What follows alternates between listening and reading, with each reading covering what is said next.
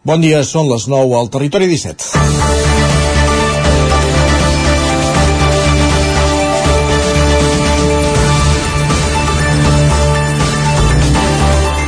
Les carreteres més perilloses són les que tenen només un carril de circulació per cada sentit i no hi ha mitjana de separació. Qualsevol avançament imprudent, una distracció, fins i tot una indisposició del conductor pot acabar amb un xoc frontal amb conseqüències molt i molt greus. Ho vam poder comprovar amb l'eix transversal quan després d'uns primers anys amb una elevada sinistralitat, el nombre de víctimes mortals en accident es va reduir de manera dràstica quan es va fer el desdoblament i els dos sentits de circulació es van separar amb una barrera de formigó, amb una mitjana. Des que es va inaugurar la C-37, l'eix bicolot, hi ha hagut un degoteig de víctimes mortals, la majoria d'elles per xocs frontals entre dos vehicles que tornaven a evidenciar el perill d'aquest tipus de vies. Inspirant-se en l'experiència de Suècia, la Generalitat ha anat implantant en els darrers anys un sistema anomenat 2 més 1, que consisteix a fer un tercer carril a les carreteres que només en tenen un per sentit, habilitant d'aquesta manera trams d'avançament segurs. I a més, instal·lant una separació reforçada dels dos sentits de circulació. Aquest sistema s'ha aplicat en trams de les carreteres C55, C16 o C58. El resultat ha estat espectacular. En aquests trams, que en alguns casos eren punts negres de la xarxa viària catalana, no s'ha produït cap més accident mortal causat per xoc frontal o frontolateral. Els accidents mortals en general s'han reduït un 90% i els greus un 50%.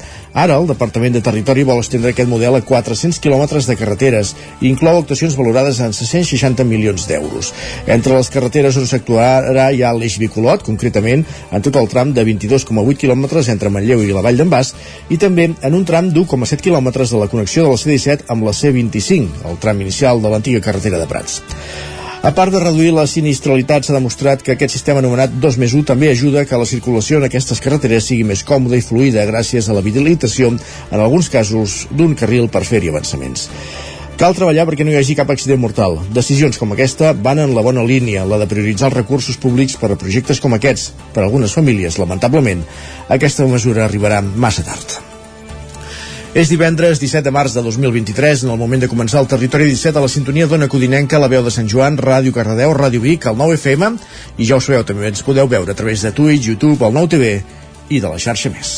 Territori 17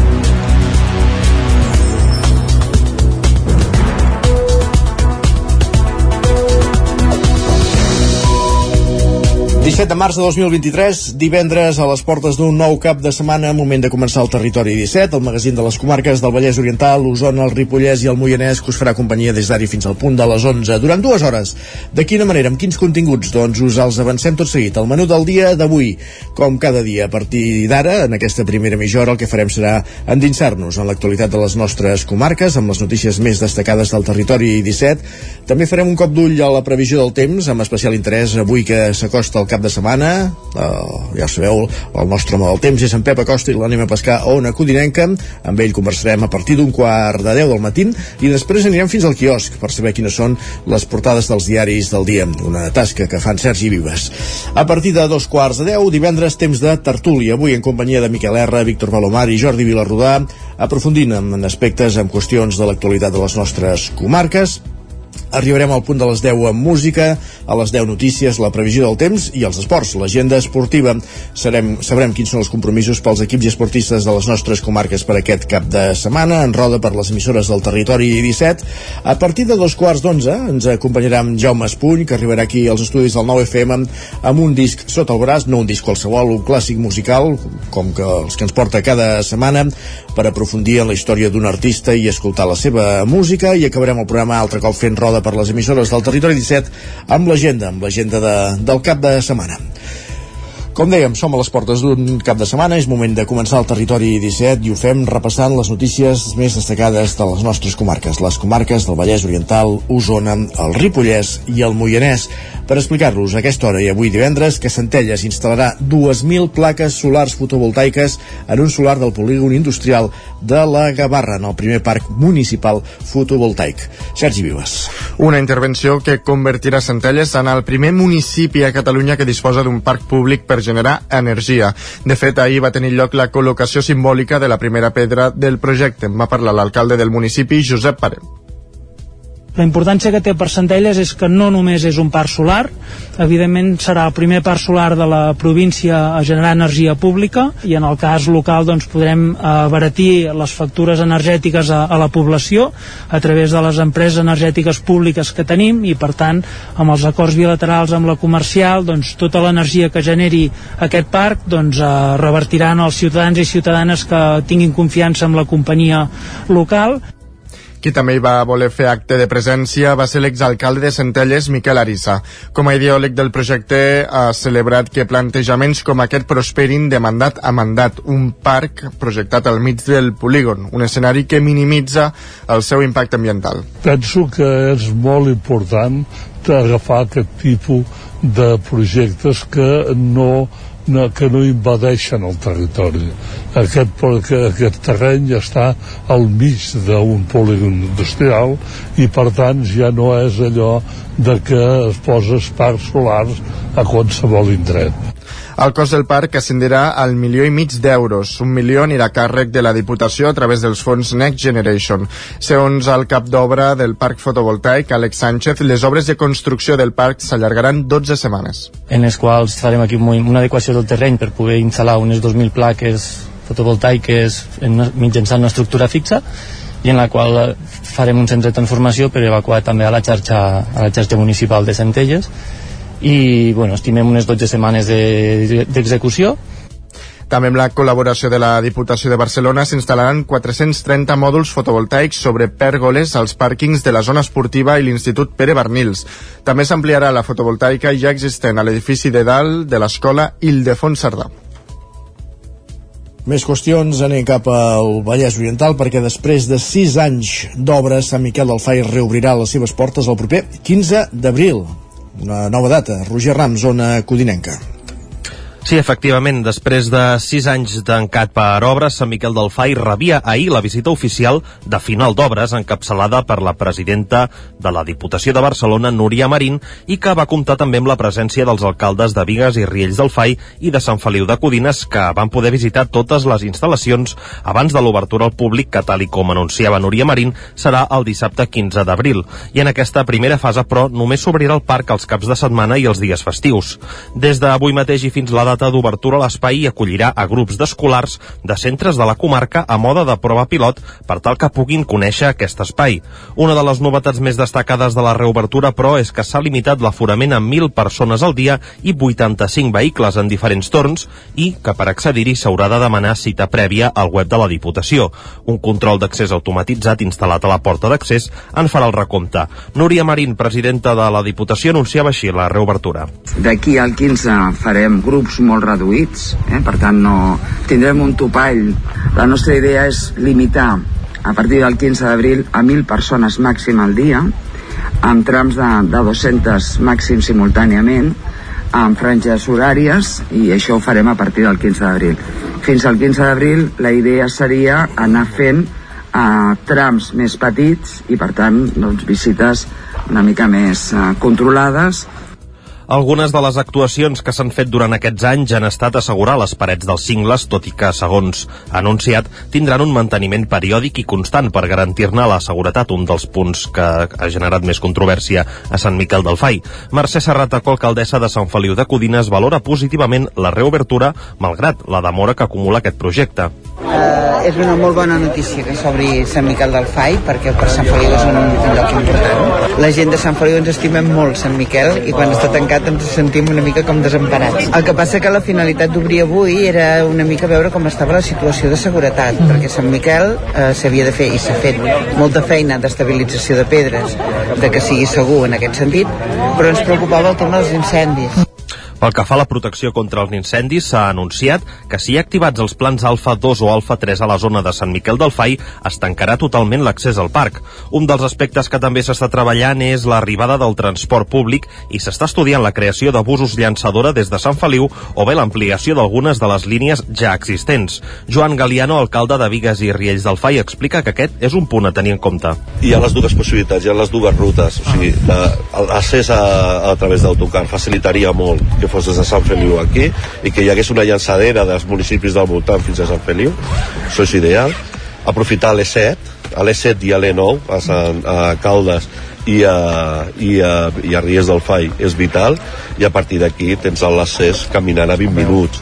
Tot això va dintre del pla de labors que ja se'ls va entregar en el seu moment a Diputació eh? I els tres ajuntaments en aquest sentit ho tenien molt clar eh? i bueno, en principi és la, és la via que es va triar tot el recinte s'ha equipat amb cartells explicatius amb codis QR i també en braille i s'han adaptat accessos per a persones amb mobilitat reduïda. El projecte ha tingut un cost a la seva totalitat de 5 milions i mig d'euros. Més qüestions, obrim pàgina política perquè gent de poble, la candidatura d'independents de Can de Bànol al Ripollès es presenta amb l'alcaldessa Dolors Costa al capdavant. Dolors Costa, que en les últimes eleccions formava part de la candidatura de Junts.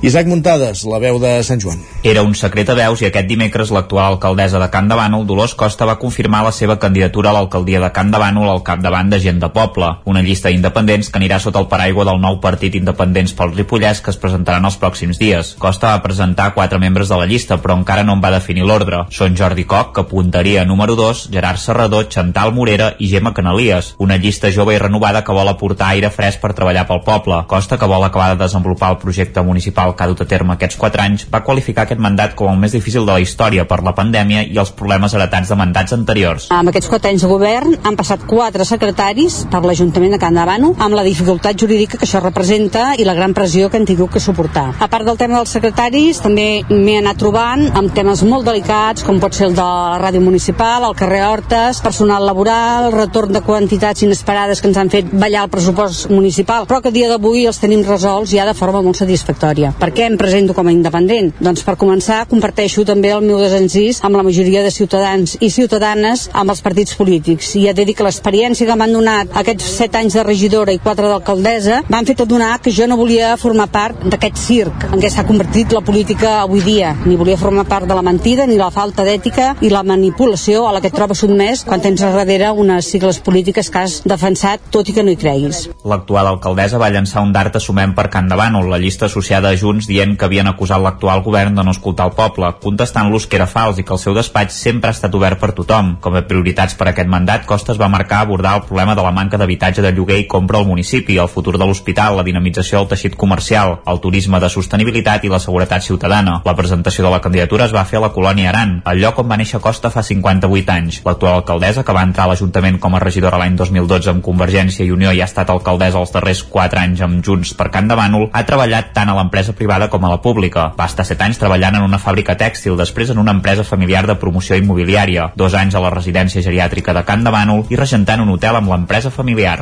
Més qüestions gràcies, Isaac. Junts per Tona ha optat per un tàndem per liderar la formació de cara a les eleccions del mes de maig, del 28 de maig. El formaran Berta González com a número 1 i l'actual portaveu del grup municipal, Marc Poveda, com a número 2, Sergi. Tots dos són regidors des del 2015, però llavors no compartien projecte polític. González ja sap que, que és anar a, de cap de llista, ja que fa 8 anys va liderar el projecte d'iniciativa pel qual va ser regidora. La bona entesa va fer que el 2019 s'incorporés a Junts. Poveda Rueda va ser regidor de Joventut i Infància un mandat. Els dos expliquen que ho encaren amb ganes. Ho encaro amb molta il·lusió, amb la rigorositat que pertoca, eh, nosaltres som un equip molt cohesionat i per tant el lideratge l'entomo doncs, amb aquesta responsabilitat però som un equip i per tant simplement és un lideratge, un lideratge constructiu. Encarat això és, uh, com un tàndem, sabem clar i tenim clar que hi ha una cap de llista però és un orgull jo anar molt cols a cols amb ella i ser el seu número dos, no? com un supertinent alcalde per dir-ho així. Ho encarem amb moltes ganes, amb molta il·lusió, determinació i també molta vocació de servei que és el que ens ha caracteritzat sempre amb el grup municipal. González i Poveda integraran una llista que compta amb quatre dels cinc regidors actuals i un equip que els ha donat suport a aquest mandat i amb qui ja estan confeccionant el programa. La de Junts és una de les sis llistes que es coneixen que es presentaran a Tona el 28 de maig. Així que amb Tona i Esquerra, que van pactar el 2019 i han governat aquest mandat, ja han tornat a, ja han donat a conèixer els caps de llista. Seran Lluís Gés, que relleva l'actual alcalde Amadeu Lleopard, i la republicana Judit Sardà. Josep Salom liderarà una candidatura independent. L'actual regidor Josep Manel Garcia repetirà el capdavant del PSC i el PP, que no va obtenir representació, torna a presentar Francisco Ribas. Més qüestions perquè obre la primera cafeteria amb gats a Cardedeu. Pol Grau, Ràdio Televisió, Cardedeu. Recentment s'ha inaugurat al carrer Ponent de Cardedeu el primer cafè de gats de la vila. És un model que va començar a finals dels anys 90 a la ciutat de Taipei, a Taiwan, i que és molt popular al Japó i ja s'ha estès també per a Europa. Les propietàries de la gatfeteria, així anomenada, Loreto Garcés i Irene Carbonell, volen oferir un punt de trobada per als amants dels animals i dels gats. L'establiment també dona l'oportunitat d'adoptar gats que han estat rescatats. Abans, però, es demana als interessats que acudeixin un parell de cops a l'espai per conèixer l'animal i crear-ne un vincle. Aquesta iniciativa neix per la necessitat de donar a conèixer animals que ho tenen més complicat per trobar una família. Garcés i Carbonell tenen com a prioritat donar un gran nombre de gats en adopció, generar un espai on es puguin reunir els amants dels gats, poder oferir productes de qualitat a un bon preu i aconseguir fer barri, ja que al barri de la Riera no hi ha gaires establiments de restauració. Els gats provenen d'associacions protectores dels municipis propers, que els han rescatat amb l'objectiu de que cada cop menys gats visquin al carrer. La gatfeteria està oberta a tots públics. Tot el local està adaptat per als gats, però qualsevol persona que vulgui servei de cafeteria pot entrar i prendre-s'hi el que vulgui de gust. El concepte, la gatfeteria. Més qüestions, pàgina esportiva amb només 15 anys, l'uso- l'usonenc, l'ulustenc Gil Membrado no para de superar rècords de precocitat en el món del rally, Sergi. Primer va ser el debutant espanyol més jove amb només 13 anys al campionat de Letònia i al World Rally Championship. Després, amb 14, ho va fer al Rally d'Estònia i ara fa un mes va tornar a fer història debutant a l'estat espanyol amb només 15 anys. Amb aquesta experiència acumulada l'ha permès forçar el reglament de la Federació Espanyola d'Automobilisme que limitava l'accés als ral·lis als pilots amb, amb 16 anys ja complerts. El pilot Dolors, però, no els compleix fins al 22 d'octubre, la qual cosa hagués quedat 10 mesos del 2023 sense competir, tenint experiència per fer-ho. Ara la federació ha reajustat el seu reglament i ha establert que els pilots en l'any que compleixin els 16, acredi si acrediten un mínim de 600 quilòmetres en ral·lis, poden participar en proves a Espanya, una qüestió que Membrado ha celebrat. Bueno, doncs amb 13 anys vaig tenir que anar als Països Bàltics perquè allà era l'únic lloc que em deixaven conduir amb 13 anys i doncs aquest any han fet un permís aquí a Espanya doncs amb els pilots de 15 anys ja podem conduir, ja podem fer ratllis i estic molt content i agraït a la, a la Federació Espanyola doncs, d'aquesta ajuda. D'aquesta manera, el pilot no es perdrà aquest cap de setmana el Supercampionat d'Espanya de ral·lis amb el suport de l'equip PCR Sport i al volant del Ford Fiesta Rally 4, amb el qual ja es va proclamar camp subcampió júnior a Letònia la temporada passada. Aquesta competició consta de 9 proves en total, 5 d'asfalt i 4 de terra, i comença avui el Rally Sierra Morena a Còrdoba. El seu mentor, Dani Balasc, no es pot mostrar més orgullós. Bueno, és molt gratificant, no?, perquè vam començar des de que en Gil era molt petit i, i penses que tenia 4 anys, ara en té 15 i tots els passos que hem anat fent doncs és molt gratificant i, i veure els resultats i la progressió que va aconseguint. Qualsevol esport o disciplina que es competeixi és molt difícil aconseguir resultats, ell de moment ha aconseguit molt bons resultats i la prioritat és que segueixi més que el resultat aprenent. El resultat és com la nota de l'examen, però ara ell el que necessita des de que va començar és aprendre i evolucionar. A més, per completar la seva formació, disputarà dos ral·lis més del Campionat d'Espanya d'Asfalt, el Rally de Cantàbria a l'agost, i un altre del Campionat d'Espanya en terra, el Rally d'Auga, Galícia, el cap de setmana que ve. Gràcies, Sergi. Acabem aquí aquest repàs informatiu que començàvem al punt de les 9 en companyia de Sergi Vives, Pol Grau, Roger Rams i Isaac Muntades. És moment al territori 17 de saludar també el nostre home del temps, en Pep Acosta.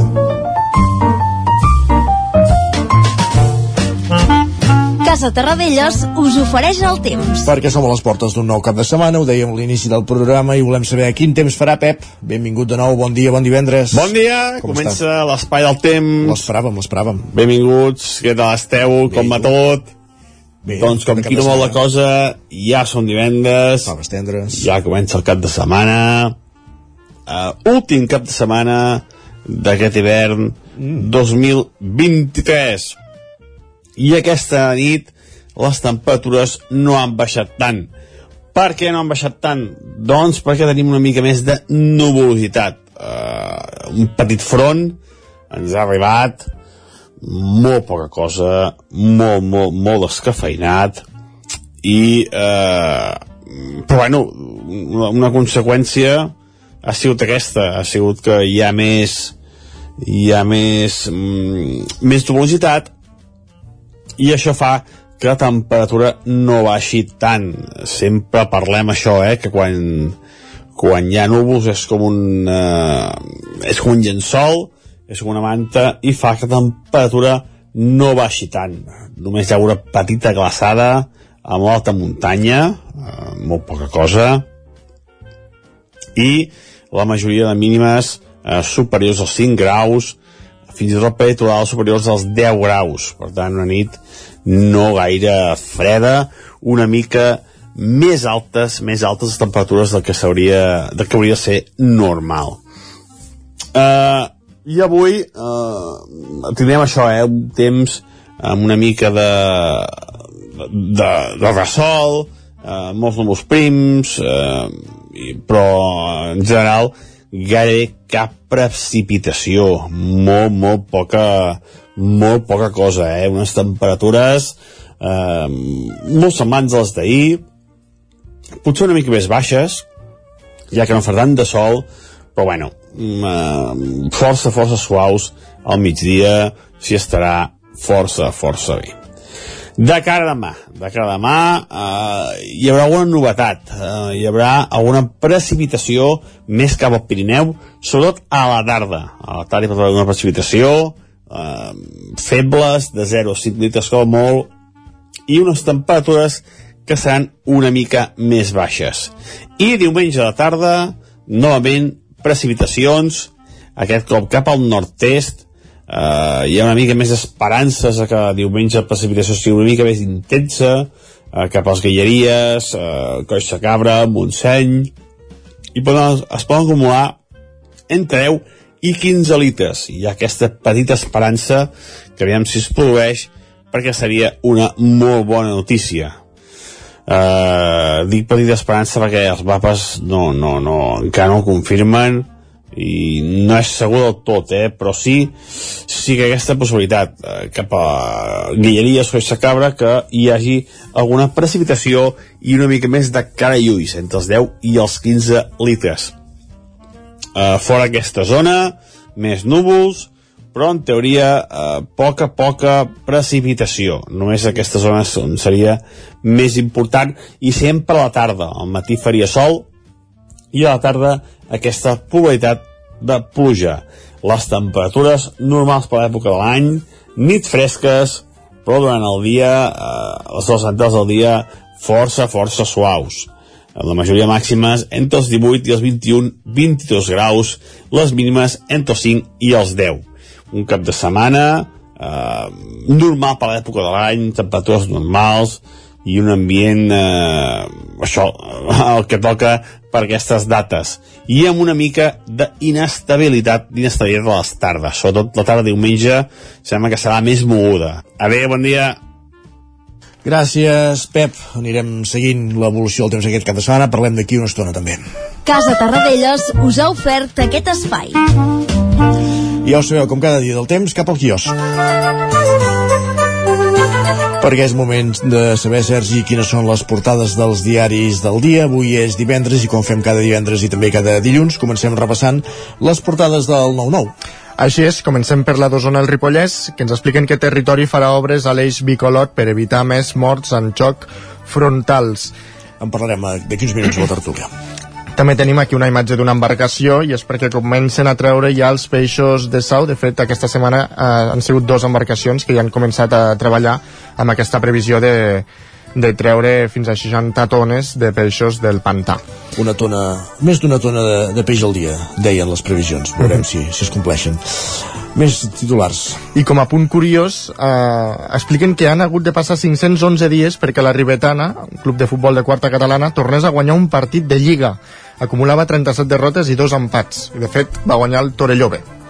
El Torelló B, ah, pensava que era el Vinyoles. Bé, en fi, és igual. Uh, la ribetana de Ribes de, de Freser. Més qüestions, anem cap al Vallès Oriental. Doncs expliquen que la Generalitat obre la porta a fer un tercer carril i mitjana a la variant de Cardedeu. També expliquen que l'Ec Granollers esclata indignat perquè la Kings League de Piqué li ha vaporitzat tres jugadors i també... Qui, qui són aquests, tios? Tres jugadors. No. no. Però quin equip és el que està... El Granollers. El Granollers, carai. El Granollers. I també expliquen que... carai, uh, veïns uh, de Sant Celoni s'organitzen contra la construcció de dos blocs de pisos a Lleonera, l'antiga fàbrica d'Aimar, perquè diuen que densificaran el centre. Molt bé, són titulars que trobem a les portades, com dèiem, del 9-9, de l'edició d'Osona i el Ripollès i l'edició del Vallès Oriental. Moment ara també de repassar les portades dels diaris que s'editen a Barcelona. Doncs sí, anem cap al punt avui, que encapça la portada amb el titular 3,5% al Banc Central Europeu a la seva. Expliquin que el regulador ni s'immuta per revés bancari i apuja mig punt més els tipus a la zona euro. Afegeixen que el Banc Central ja no fa cap referència a hipotètics increments futurs i pel que fa a les borses expliquen que respiren tranquil·les gràcies al rescat estatal que evitarà la fallida de Credit Suisse. El periòdico destaca que les futbolistes ja tenen àlbum. Expliquen que la Lliga Femenina fa un nou pas cap a la igualtat amb la col·lecció de cromos que acaba de sortir al mercat. La Vanguardia... de cromos de Panini, eh? alerta, eh? Sí. no és qualsevol cosa. Sí, sí. La Vanguardia diu que l'aprovació per decret de la reforma de les pensions deixa Macron molt tocat. Expliquen que el president francès renuncia a sotmetre el seu pla a l'Assemblea Nacional per evitar una previsible derrota. Lara diu que la guerra bruta contra els pandilleros dona vots al president del Salvador. De fet, a través de les seves xarxes socials ha publicat el trasllat humiliant de 2.000 delinqüents més a la presó més gran d'Amèrica. I anem cap a Madrid. El país destaca el missatge d'Isabel Díaz Ayuso que va enviar ahir als 65 diputats del PP abans de l'Assemblea Regional. Deia així, avui l'esquerra està acabada, mateu-los. L'esquerra està matada, mateu-los, mare Sí. senyor. L'ABC diu que l'Oficina Antifrau de la Unió Europea investiga la Fundació Pública del cas Mediador. Expliquen que va requisar papers i correus a Filab, entitat que depèn de Calviño, dos mesos abans que esclatés l'escàndol de Tito Berni. I el Mundo diu que el PSOE veu clara la coalició d'interessos entre Vox i PSOE mm, perdó, diu, ah, és el PP, eh, que veu clara aquesta coalició d'interessos entre el Vox i PSOE després d'escoltar a Bascal. Expliquen que Genova veu evident que ambdós planifiquen la moció contra Feijo i es conjura per no creu, caure en provocacions ni alimentar-les. Aquests Ja són els titulars. Ràpidament repassem digitals. Sí, doncs mira, Centelles posa la primera pedra del parc fotovoltaic municipal. Osona i Ripollès i el Vallès Oriental. Doncs que més de 500 persones esperen plaça pública a les residències de gent gran vallesanes. Fem una pausa i 3 minuts i tertúlia. El nou FM, la ràdio de casa, al 92.8.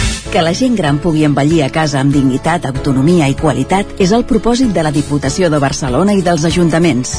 Treballem per oferir serveis com teleassistència, millora de l'accessibilitat, atenció a la soledat i activitats socials al barri. Informa't en el teu ajuntament o a diva.cat barra serveis gent gran. Diputació de Barcelona. Cefosol, centre de formació de soldadura GURB. Som especialistes en processos de soldadura. Disposem d'instal·lacions totalment equipades per a classes de teòrica i pràctica amb cabines individuals i equipaments de seguretat. Assessorem empreses i oferim cursos subvencionats i bonificats. Vine i t'informarem. Cefosol, som al carrer Sant Roc, número 9 de GURB. Telèfon 664 206 192. També ens trobaràs a cefosol.com i a YouTube. Relaxa't i desconnecta la Vall de Ribes. El 9-9 i Eix Ambiental et regalen una estada a l'hotel Spa Resguard dels Vents amb allotjament, esmorzar, spa i sopar. Per aconseguir aquest xec regal només has d'entrar al perfil d'Instagram del 9-9, buscar entre les últimes publicacions i participar al sorteig tot seguint les instruccions. Tens temps fins al diumenge 19 de març. El 25 de març arriba l'Ubic Fest, les portes obertes de la UBIC convertides en un festival. Coneixeràs tots els graus i cicles, rebràs orientació universitària i viuràs emocions que et posaran la pell de gallina. Inscriu-t'hi ja a ubic.cat barra JPO presencial. El dissabte 25 de març vine a l'Ubic Fest, unes portes obertes que et posaran la pell de gallina. No t'ho creuràs. M'ha trucat el servei tècnic oficial de Saunier Duval perquè han detectat a distància que li falta aigua a la caldera. Era a casa i no me n'havia adonat. I què has fet? Res, perquè el meu servei de manteniment Mi Saunier Duval Connect m'ha donat una solució en qüestió de minuts.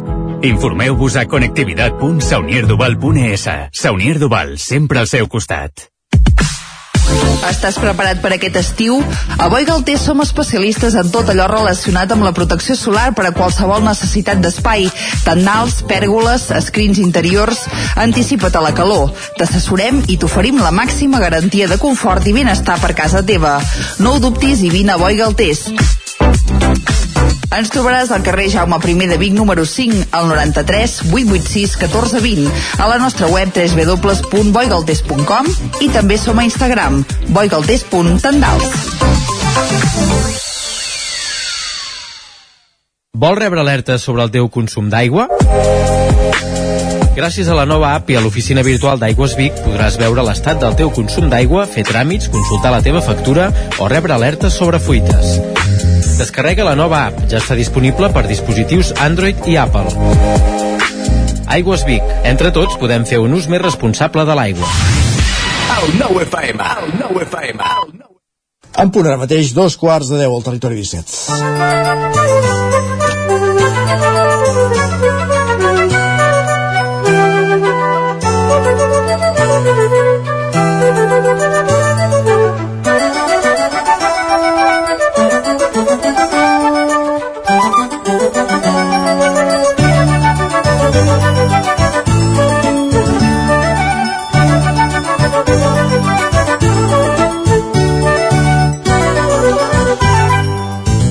Minut que passa de dos quarts de deu, temps de tertúlia al territori 17, avui en companyia de Miquel R, Jordi Vilarrodà i Víctor Palomar. Benvinguts tots tres. Bon dia. Hola, bon dia. Hola, bon dia. Molt bon dia. A punt de començar el cap de setmana i avui amb diverses qüestions que volíem tractar en aquesta tertúlia. De fet, dues qüestions priori prioritàriament que apareixen avui precisament a la portada del 9-9 d'Osona i el Ripollès i també un d'ells compartit amb l'edició del Vallès Oriental que és d'aquest pla del Departament de Territori per fer obres a les carreteres per evitar accidents, principalment aquesta idea de, del 2 més 1, del carril per avançaler, avancament i sobretot la mitjana al mig en trams més perillosos per, per evitar això, eh, xocs frontals i en conseqüència accidents mortals. Sí, sí, és una, un anunci que es va fer aquesta setmana d'aquests 660 milions en 7 anys, és fins l'any 2030 i que afectaria una vintena de carreteres de tot Catalunya i, i això eh, era bastant evident, no?, aquestes carreteres amb que tenen un trànsit elevat, amb que són vies ràpides i que són d'un carril per cada sentit de circulació sense mitjana de separació, és perillós. De fet, si tu condueixes, per exemple, per la C37, l'Eix Bicolot, sobretot entre el tram de Manlleu a, a Torelló, eh, tens una sensació d'inseguretat eh, molt alta. Eh, tens eh, això, qualsevol error, com que es va a velocitat, qualsevol eh, error que hi pogués haver d'un dels dos conductors o un avançament imprudent, doncs eh, pot acabar amb un xoc frontal i els xocs frontals són el, el que provoca la majoria de morts a les carreteres. Mm, de fet, um, els que som una mica grans ja, eh, recordem aquest debat eh, dels anys 90, quan es va desdoblar precisament la C-17, la, la, la, la nacional cap a Barcelona, i va ser eh, immediat. A mesura que es van anar col·locant els separadors la sinistralitat en aquell moment va baixar en picat eh, no tinc al cap ara dades concretes però traiem estadístiques que era radical la baixada en, en diferents trams a mesura que no, es anava desdoblant per tant, és el dubte aquest, no? Van, primer es fan les carreteres, llavors I eh, passem uns segures. anys, eh, hi ha uns sinistres eh, i després es fan intervencions per evitar sinistres. Això amb la C-17, que és una carrera una carretera antiga i que, i que bé, va néixer amb un trànsit i després va anar augmentant, però per exemple l'eix transversal, que quan eh, eh, ja es va construir ja s'era conscient que naixia petit, l'eix transversal i que, i que pels pendents que hi havia, que si et trobes camions, doncs que era complicat avançar, amb l'eix transversal sí que va ser això, dir, bueno, de moment la fem així perquè és els recursos que tenim i més endavant la desdoblarem. I me'n recordo que el, el nou, si agafem gràfiques d'accidents mortals a l'eix transversal, va passar el mateix que explicaves tu, Miquel, a la C-17, que va baixar en picat el, el nombre de víctimes mortals perquè si tu tens una sortida de carretera cap a un costat, cap a, cap a l'altre, fins i tot pots volcar si t'enfiles a la mitjana o pots eh, eh, picar amb un, amb un cotxe que estigui aturat perquè ha tingut una avaria, piques per darrere hi poden haver mil accidents eh, amb aquestes carreteres amb què hi ha doble carril i per tant hi ha la mitjana de separació però el que realment és greu és dos vehicles a gran velocitat picar de cara i aquí sí que els resultats eh, lamentablement, i les estadístiques ho diuen, els resultats són molt i molt, molt greus. Per això eh, jo me'n recordo que fins i tot des d'aquí de, des eh, a, a través d'articles d'opinió, d'editorials vam ser molt durs també amb, amb el desdoblament de l'eix transversal, reivindicant el desdoblament de l'eix transversal perquè passava això, i quan es va obrir l'eix bicolot vam tenir la sensació aquesta, ostres, tornarà a passar. També s'ha de dir que eh, amb l'eix Bicolot, per exemple, passa que és el tram aquest que deia, el tram usonenc, eh, partir, sí. eh, perquè després l'altre ja hi ha... Pues això volia posar èmfasi, ja hi ha tres eh? carrils. És que, esclar, l'eix Bicolot, que, que a més a més originàriament estava previst amb quatre carrils, recordem aquella polèmica que hi ha en el seu moment, que després quan entra el govern Maragall replanteja tot el projecte i el converteix en una carretera més petita del que estava previst eh, segurament amb bon criteri eh, perquè una carretera de quatre carrils allà i eh, no, no hauria estat una destrossa i a més a més limita la circulació de camions a aquesta circulació més, més que, que, que no hi hagi trànsit de pas per entendre'ns, que era un altre dels perills que hi havia. Mm, eh, i, i llavors es, es configura més o menys quin ha de ser el model de circulació d'aquest eix bicolot uh, i, però veiem que, que funciona aquest model eh, eh, fins a Olot, o sigui, entre Torelló i Olot per entendre'ns, o sigui que eh, allà no hi ha accidents, se, se circula amb prudència dintre els túnels perquè és eh, el que toca Okay. Eh, i a més a més potser evidentment és segurament el trànsit evidentment és menys, menys dens però on és el perill? O sigui, és que el perill se situa entre Torelló, entre Torelló fins a l'entrada a la C-17 per què? perquè hi ha avançaments perquè hi ha avançaments perquè, Una recta molt i- i, llarga, clar, correcte. òbviament també hi ha d'haver un cas en què probablement un conductor, no sé, s'adorm o es despista o no sé què, però, però és que el problema és que hi ha avançaments i, i aquella carretera, doncs, tots ens hem sentit segurament en algun moment una mica insegurs fent-la en, aquest, en aquest tram, precisament, en aquest tram que, que, que passa, jo entenc que passa per, per això, o sigui eh, no sé, mm, servidor no sé, si ha d'anar de Vic a Torelló si normalment no vaig per aquesta carretera, no m'agrada no m'agrada gens, o sigui, aquest tram perquè, perquè crec que hi ha molta gent que fa unes imprudències però, però, però guanyar què? Eh, avançar un camió que baixa de la Garrotxa què, què, per, per arribar a Torelló Vic llavors què guanyaràs? Dos minuts si avances aquell camió? 30 o sigui, segons, com a molt. 30 segons? O sigui, si, si estàs a punt d'entrar en una carretera de quatre carrils al cap de poc, o sigui, però eh, és que algunes vegades eh, dius, mare de Déu, quines imprudències, no? Sí, el que, sí jo, jo he de reconèixer que l'agafo bastant. Uh, és una carretera que m'agrada, excepte, ja dic, sí que hi ha aquesta recta, eh, que, que, que, que tens aquesta sensació, però d'aquí fins a Olot és una carretera fins a Olot sí, amable, sí, sí. eh? algun tram També- és amable i és, és agradable també hi havien fer. posat aquell, eh, aquell senyal vermell a terra eh, per separar els dos carrils perquè encara es vegi es veigués més, s'ha pintat a terra el, els, els dos carrils allà els túnels sobretot però, però la seguretat que et dona una mitjana eh, no d'això, una mica el, el, el que vull reflexionar pel matí és eh, això, eh, que estem parlant d'invertir 660 milions eh, amb aquestes carreteres i avui per què no ens fotin el tren deien home eh, eh, s'hauria d'invertir aquests diners en, en millorar la, la R3 no? i que no, no tant per carreteres i per augmentar el trànsit sinó que s'hauria de, de forçar a reduir el trànsit el que passa que jo crec que una cosa no està renyida amb l'altra sobretot veient les estadístiques i sobretot veient les conseqüències d'aquests accidents eh? que, que sí que s'ha d'afavorir el transport públic i, i el tren i però clar, mentre tinguem aquestes carreteres on hi ha gent que es veu obligada a anar per carreteres i se sent insegur jo a vegades quan, quan algú fas aquest debat diu no, no, és que si tothom anés a la velocitat permesa i, i seguís les normes de circulació, no hi haguessin aquests avançaments que, que explicàveu vosaltres, que a vegades són legals perquè permet avançar, però, però ho fan quan no toca i de forma imprudent, si tothom respectés eh, les normes de circulació no hi haurien molts dels accidents. Si no, hi, si no tinguéssim el mòbil al costat no responguéssim trucades, trucades o enviéssim missatges mentre conduïm no hi haurien molts d'aquests accidents. Però és veritat, i a l'eix transversal passava i me'n recordo aquest debat amb què hi havia el conseller Puig alguna vegada que, que li havíem amb alguna roda de premsa i, i que ell era taxatiu dient no cal desdoblament si tothom fes el d'això no és una carretera insegura la prova és que tal, tal, tal amb, et, treien percentatges de, de cotxes que hi circulaven i, i, i nombre de víctimes mortals i deien no, no, no es pot dir que sigui perillosa. Doncs sí que ho és perquè eh, quan els pocs accidents que hi havien eren molt greus per culpa de que hi havia aquesta invasió de carril contrari hi havia xocs frontals.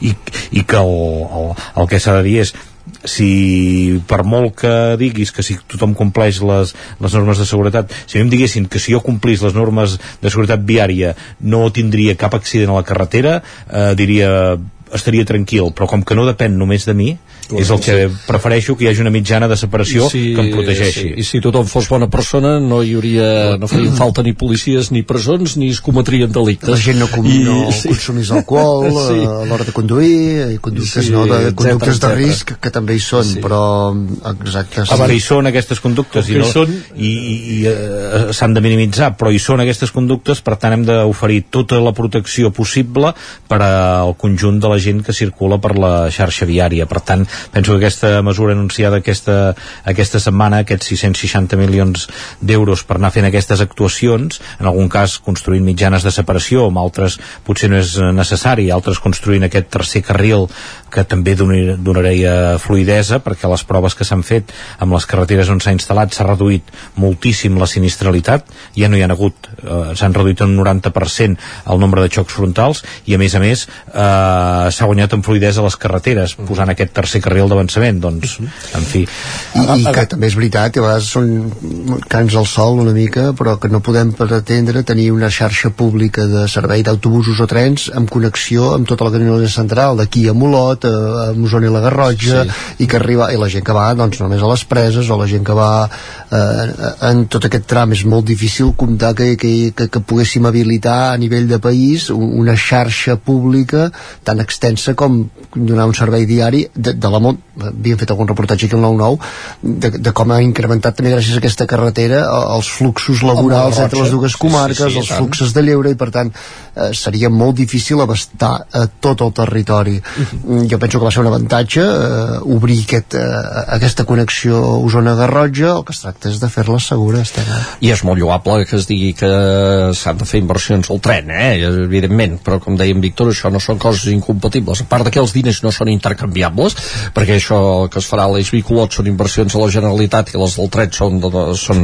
eh, d'Espanya, a vegades ens pensem que els diners poden circular així lliurement eh, d'una administració a l'altra amb aquella alegria, i, i no és cert, i, i, i sí que és veritat doncs que eh, per anar de Torelló a Vic pots anar-hi amb tren, però per anar de Vic a Olot no pots anar-hi amb tren, no sigui que aquesta carretera és necessària i ha de ser segura perquè, perquè no hi ha altra forma de comunicació amb la Garrotxa. Abans apuntàvem la dimensió d'aquesta carretera que es va dimensionar amb les característiques que té ara, que, que no hi puguin circular camions que no tinguin origen i destí a Osona o la Garrotxa.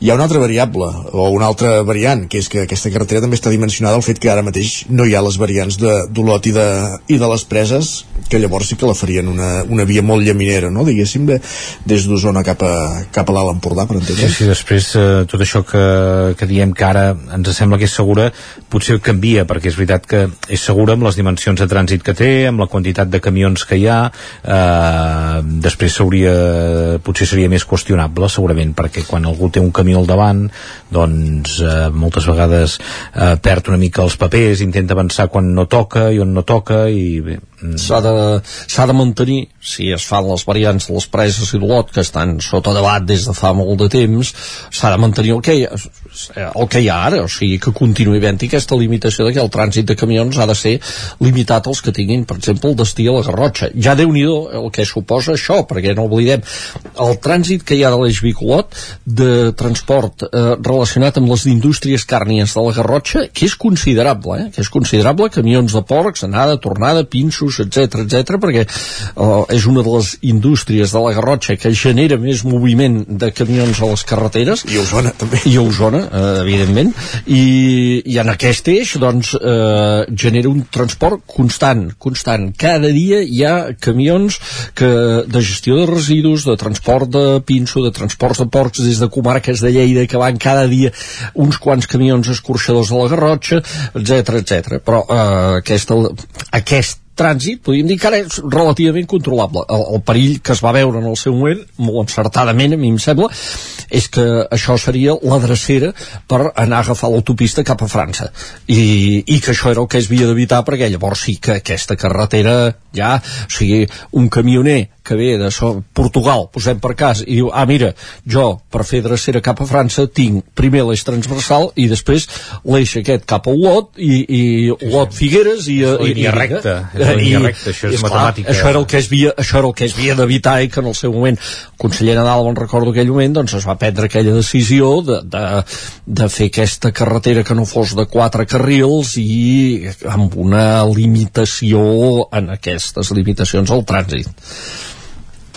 Més qüestions, eh, un altre dels temes que volíem tractar, que també dèiem que sortia a la portada del 9-9, és aquesta barca, una d'aquestes barques que ja està pescant peixos a, al pantà de Sau. Des d'aquestes setmanes, ha activat aquest pla per, per treure doncs, tot el que són eh, els peixos del pantà en aquest pla de desembassament cap a Susqueda. I ahir arribava una notícia i a la tarda que és que es tanca directament l'accés al punt d'informació que hi ha a tocar de l'antiga església de, de Sant Romà de Sau. Fins ara calia reserva prèvia i pagament de 5 euros per poder-hi aparcar els caps de setmana i ara ja directament la Diputació i l'Espai Guilleria Sabossona ahir anunciaven que per seguretat amb les tasques de, de, de captura d'aquests peixos el que es feia era directament ja eh, tancar aquest, aquest accés. Sí, sí, l'objectiu és això, que ara és un perill, també perquè hi ha, cada cop hi ha menys aigua, hi ha aquests fangs al costat i són perillosos perquè són uns fangs que, que et poden ensorrar, eh, tens la sensació de que, de que és una cosa sòlida, però no, quan les trepitges et pots ensorrar, és un perill, hi ha maquinària de, de l'ACA que participa en aquestes tasques de treure els peixos de l'aigua i s'està tot pendent d'una reunió d'aquest matí. El que va fer la Diputació ahir va ser i avisar de que no hi haurà aquest punt d'informació, per tant aquest sistema que hi havia de reserva i pagament i tot plegat, doncs que hagi fet aquestes reserves doncs se li tornaran els diners, però el que s'ha de decidir aquest matí jo crec que és una mesura més dràstica que, que s'insinuava ahir al vespre, però que avui es pot haver de prendre i per tant en el dia d'avui hem d'estar pendents que seria això, el, el tall a partir de la, de la presa eh, de Sau, ja no, a partir de l'aparcament ja no es podria eh, accedir a l'altre cantó de, del pantà i això és el que, el que segurament eh, la reunió d'avui es prendrà i també com es controla això de tant, quin... els curiosos que vagin cap a Itona a veure arbres fruiters aquest cap de setmana Exacte. i que, que cap a Sau no. El que turisme són de la set una, de fet ha set des de l'estiu passat i un degoteig eh, brutal de gent eh, anant a visitar la presa vull dir que s'ha convertit en un en un punt d'interès eh, allò que, no, que en diem el turisme de sequera però ha estat espectacular aquella carretera Sí, sí, com, és- com s'ha anat omplint eh, la caps imatge, de eh? setmana és que la imatge és espectacular i poder-ho i poder estar allà, però sí, sí eh, semblava, és evident que aquests dies si a més a més hi ha camions amunt i avall hi ha, hi ha trànsit, s'ha de primar la seguretat. I ara si hi havia l'atractiu aquest d'imaginar-te que al cap de setmana veuràs aquests pescadors de la confraria de Blanes que des d'aquesta setmana estan navegant per aquí al pantà amb les xarxes que, que em sembla que els hi han cedit o les han llogat a Mallorca i a l'Escala. O sigui que, que en fi eh, tot, Tot aquest que- atractiu de veure pescar a la Catalunya interior Tot i que sembla que mm, no seria, diguem, exactament de moment l'èxit, allò no seria allò la pesca mari- miraculosa aquella de No. l'Evangeli, eh? jo crec que més que amb xarxes al final a pales no? Sí. potser hauran d'anar al Perquè- fons eh, Saps que parlen de 60 tones, arribar a 60 tones de peix. Eh, Però s'amaguen for, força és- bé aquestes 60 tones, perquè de és- moment em sembla que amb algunes galladetes ja, ja han passat, eh? Per, per treure els que han sortit fins ara.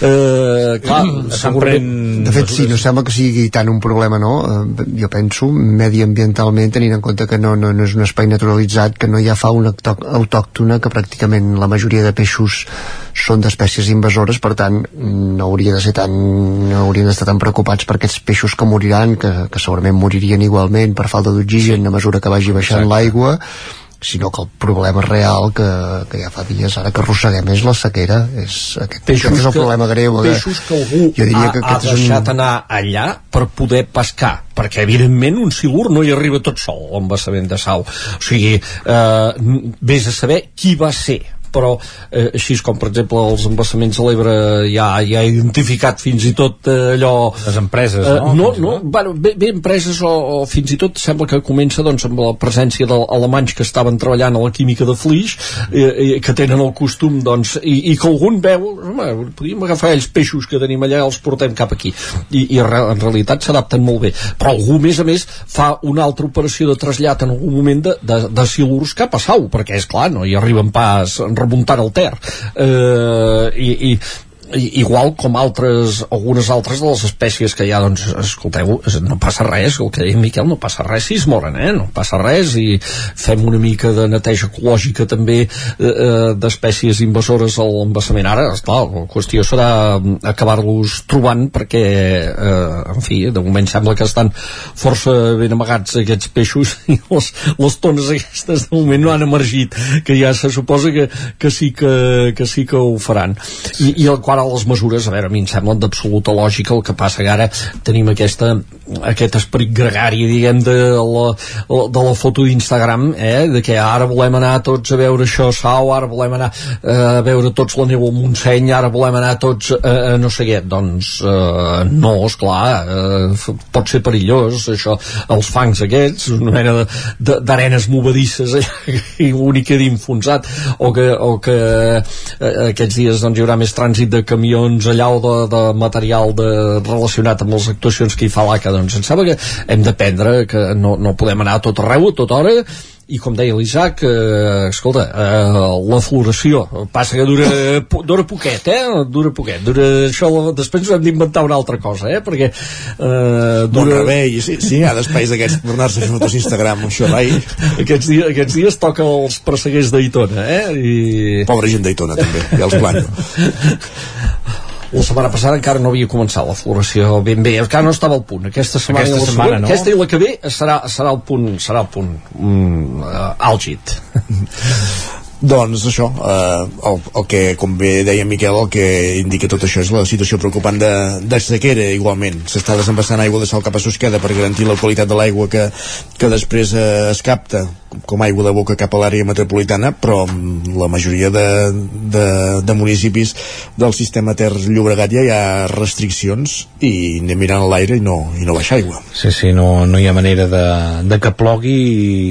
Per exemple, aquest cap de setmana deien que plouria una mica aquest dissabte, almenys les previsions de, dels homes del temps d'aquí al 9-9 em que posaven una mica de pluja en alguns punts elevats, però és això, que una pluja que tampoc no té, no té cap mena d'efecte ni representa cap solució, no hauria de, de ploure de forma intensa i a les capçaleres del riu i em sembla que no és el que, el I, que està previst. I, i tampoc podem podem comptar amb aquell recurs de, de, que quan venien mesos de març o abril de ara és el moment de desglàs d'això hi ha poca neu, o sigui, hi va haver una nevada important ara fa un mes aproximadament, però no suficient, hi ha poca neu, per tant no es podrà comptar amb un increment de cabals procedent del desglàs significatiu, eh, això ja, ja es, si no canvia la situació és així, i, i per tant, doncs aquesta és la situació. No només els, el que forma part del sistema Ter Llobregat, sinó el que no està dins aquest sistema, eh? que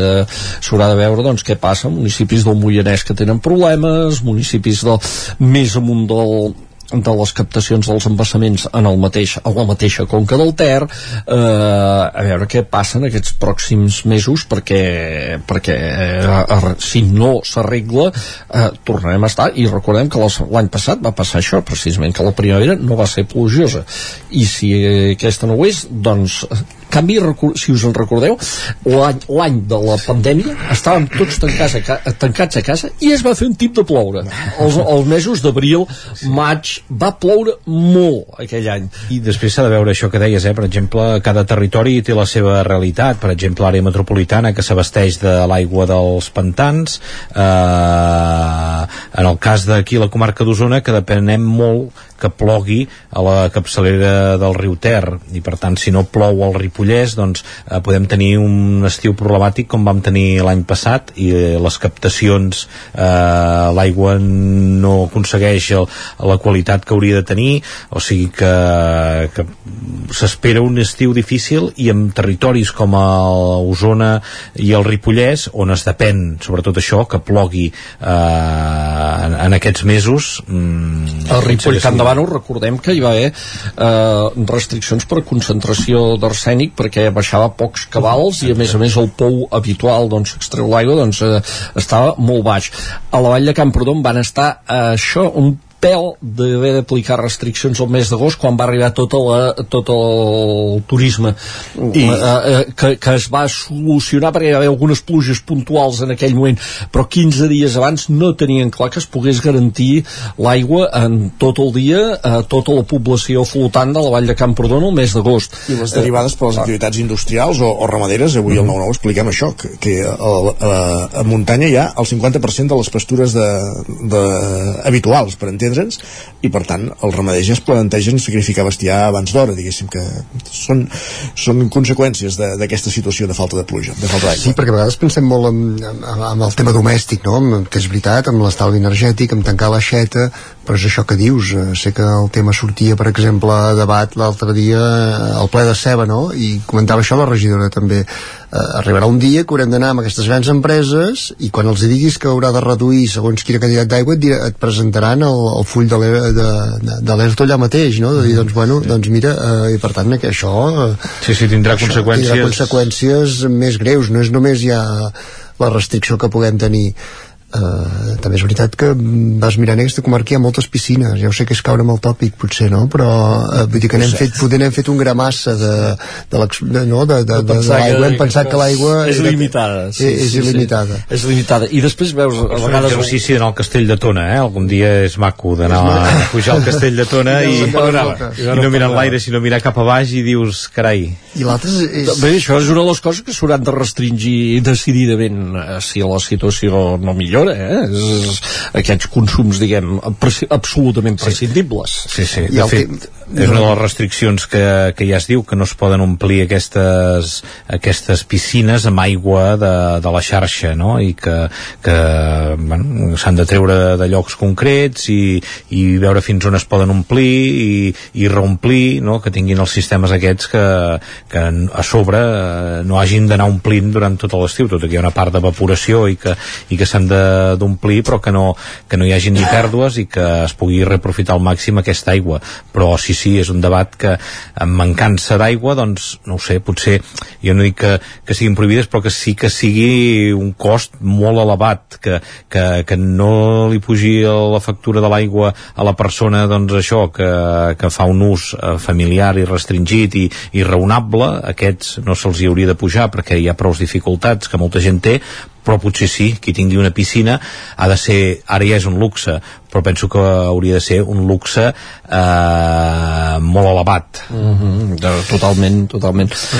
No sé si, eh, clar són temes que és, per exemple, si l'àrea metropolitana de Barcelona xupés menys aigua perquè es potenciés més la desalinització però també és un procés car eh, mm. energèticament també té el seu cost eh, tampoc és una I solució i per tant ambientalment i per sort, i per, sort, per tant és difícil trobar una solució i per sort es van fer més desaladores eh? perquè si el, el panorama del, eh, que, que hi va haver a la ceguera de l'any 2008 si no recordo malament eh, amb el mateix potencial de desaladores que hi havia en aquell moment, ara ja faria temps, faria temps que, les, que sí, estaria amb restriccions a l'àrea metropolitana. I els costos aquests... I a vegades doncs... sembla que aquí, ah, bueno, però l'aigua a l'àrea metropolitana, escolta, són ciutadans de Catalunya que també han de veure i s'ha de garantir de que de Susqueda els hi sortia una aigua correcta, eh? perquè a vegades també llegim cada argument aquí, que entre els de la teoria conspiranoica de que fan manar d'aigua de sau cap a Susqueda per turbinar i fer molts diners, i els que diuen que, bueno, aquesta aigua és nostra eh, a vegades un llegeix comentaris a les xarxes que francament és per posar-se les mans al cap.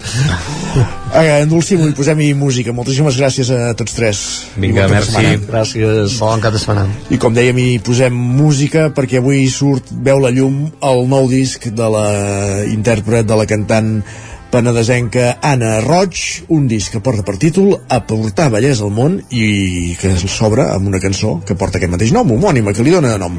Aportar bellesa al món. Anna Roig, al Territori 17, fins a les 10. Tot ens ho embelleix i encara que de vegades ens guanya el pessimisme i estiguem convençuts que tot és brut i lleig. La música apareix com el més potent dels sismes que remou el món amb bellesa i el més gran amor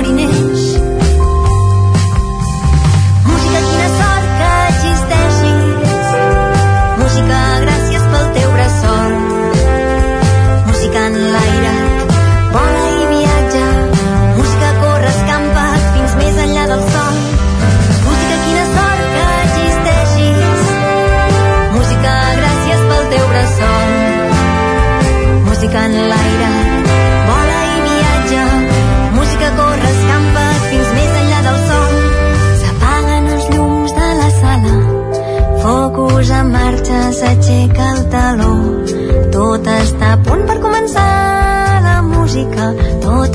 punt per aportar bellesa al món.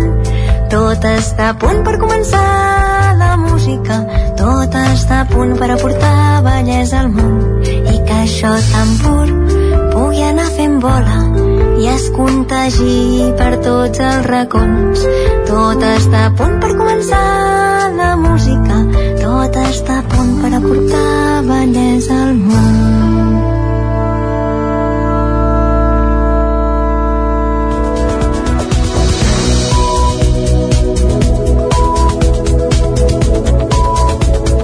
I és moment al Territori 17 de posar-nos al dia d'actualitzar-nos amb les notícies més destacades de les nostres comarques i ho fem en connexió amb les diferents emissores del Territori 17, Ona Codinenca, Ràdio Cardedeu, la veu de Sant Joan, Ràdio Vic, el 9 FM, i també ens podeu veure a través del nou TV, YouTube, Twitch i la xarxa més.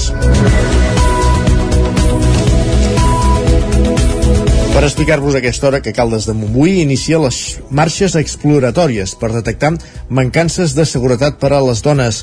Roger Rams, Ona Codinenca.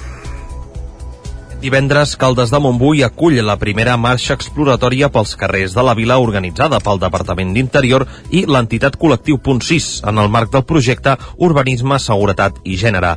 Això consistirà en recopilar propostes i recomanacions per millorar la seguretat de les dones als carrers de Caldes, tot fent una passejada. La regidora d'Igualtat i Feminisme, Àngeles Llibe, explica en què consisteix aquesta marxa.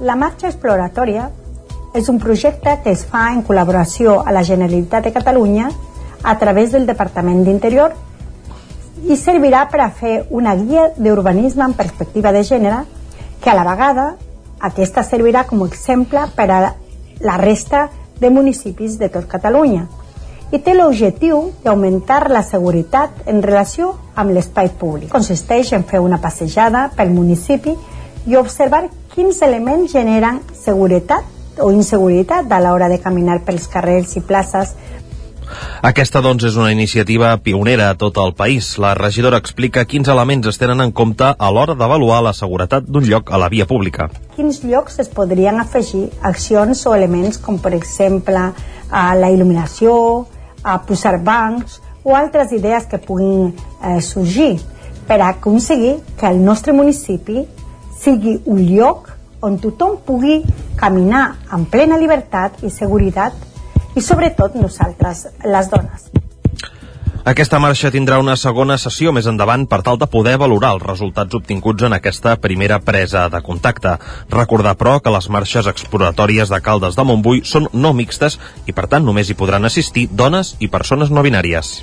Més qüestions. Gràcies, Roger. L'Ajuntament de Sant Joan de les Abadesses millora tres parcs infantils amb una inversió de 30.000 euros. Isaac Muntades, la veu de Sant Joan. L'Ajuntament de Sant Joan de les Abateses ha millorat tres espais infantils a diferents punts de la vila. L'alcalde Ramon Roquer va apuntar que havia arribat el moment de jubilar algun element més antic i que ja portava massa manteniment i problemes. El cost de les actuacions ha estat de gairebé 30.000 euros. La millora i el manteniment dels parcs infantils es planifica anualment. Si bé l'any passat, aprofitant que era una de les propostes del consistori juvenil, es va reforçar la partida per poder fer una major actuació. A més a més, al febrer de 2022, també a petició del consistori juvenil, ja es va instal·lar un gronxador inclusiu al parc de l'estació. L'alcalde Sant Joaní va repassar les zones que s'havien renovat. Crec que s'ha fet una repassada a tres àrees importants, molt utilitzades, com és el, el parc que tenim a la Coromina, amb una millora del terra, un terra continu, molt més eh, modern, eh, amb un resultat molt més òptim. El parc de la plaça de Sant Luis Potosí, on hem incorporat dos elements nous, una, una torre per eh, edats una mica més grans i un gronxador inclusiu, per un tema molt interessant. I finalment, doncs, a, la, a davant del Palau de l'Abadia també hem incorporat dos elements nous, en aquest cas un castell per nens més petitets, un gronxador normal per grans i un per no tan grans, i finalment doncs, una recol·locació també de les molles que hi havia. Qui també està molt satisfet d'aquestes actuacions és el grup municipal d'Esquerra Republicana, el qual va presentar una moció al ple del mes de setembre del 2021, que instava l'equip de govern a planificar un calendari d'actuacions per millorar i arranjar tots els parcs infantils i adaptar-los a infants d'edats diverses i múltiples capacitats per fer-los més inclusius. Segons els republicans, no s'havia fet un manteniment i una renovació dels parcs tan a fons com volien. També proposaven complementar els parcs infantils de l'estació i de les mudes amb parcs de calistènia per fer exercici físic. D'altra banda, gràcies al consistori juvenil també s'ha instal·lat una xarxa per aturar pilotes en una de les porteries de futbol del camp de sorra de l'antiga escola Badesa M a l'exterior de l'edifici Duran i Reinals, que ara acull la biblioteca Josep Picola. L'objectiu és que les pilotes no caiguin a la riera de l'Arsamala o als marges d'aquesta zona. L'actuació va costar 2.400 euros i es pagaran diners del consistori juvenil. Gràcies, Isaac. Més qüestions del Ripollès cap a Osona, concretament a Orís, perquè eh, aquest Ajuntament reobrirà part del castell, concretament el celler i la zona de l'antiga capella dedicada a Sant Pere, al públic. Ara, l'Ajuntament ha rebut una subvenció de 200.000 euros de la Diputació de Barcelona per rehabilitar el castell Sergi Vives. El castell d'Orís és una fortificació documentada des del segle IX i va anar creixent fins a mantenir la forma actual. A mitjans del segle XIX va entrar en decadència, un deteriorament evident visualment. Fa 20 anys es va excavar l'antiga capella dedicada a Sant Pere i també la zona de l'antic celler. Des de llavors no s'ha fet res més. Ara una subvenció de 200.000 euros de la Diputació de Barcelona permetrà consolidar el que s'hi va fer llavors i fer visitable aquesta part. N'ha parlat l'alcalde Arnau Basco. Principalment l'actuació eh, s'ha prioritzat tenint en compte les, la campanya d'excavació, les dues campanyes d'excavacions que es van produir en el passat i ens semblava més idoni doncs, eh, consolidar aquest, eh, aquesta part i resoldre el tema de l'accessibilitat eh, i millora de la seguretat pels visitants. Eh, evidentment, sempre amb la mirada posada en que en un futur doncs, probablement es podrà fer alguna campanya nova d'excavacions en les actuacions de fa dues dècades es van col·locar unes tanques de gairebé dos metres que limitaven la visita per qüestions de seguretat. Ara es retiraran i se substituiran per un, unes altres, segons Basco. De fet, tothom quan puja al cim del castell, quan arribes tens la sensació de quedar-te engaviat i fins i tot les valles que responen a una necessitat evident de garantir la seguretat de, de, de les persones que venen. Eh, el projecte el que preveu és millorar l'estètica i la funcionalitat. Ara tenim unes valles de metre 80 en la que no pots ni gaudir de les vistes privilegiades que tenim al Prepirineu i de la comarca d'Osona i això forma part també de l'actuació, no? intentar trobar una manera menys dura de, de fer més atractiu la visita del món. La seva situació ha fet que al llarg de la història el castell hagi tingut un paper clau en moments com la Guerra de Successió, la Guerra del Francès o les Guerres Carlines. Amb el temps, l'edificació s'ha anat degradant i colgant sota la runa. Aviat la memòria i els vestigis de mil anys d'història començaran a ressorgir per als visitants. Més qüestions. Neix una nova entitat cultural a Sant Julià de Vilatorta, Osona. Es tracta de les Romagueres, un grup d'amigues, mares i veïnes del poble que volen promoure tot tipus d'activitats al, al poble com projeccions, tallers o fins i tot un mercat de segona mà.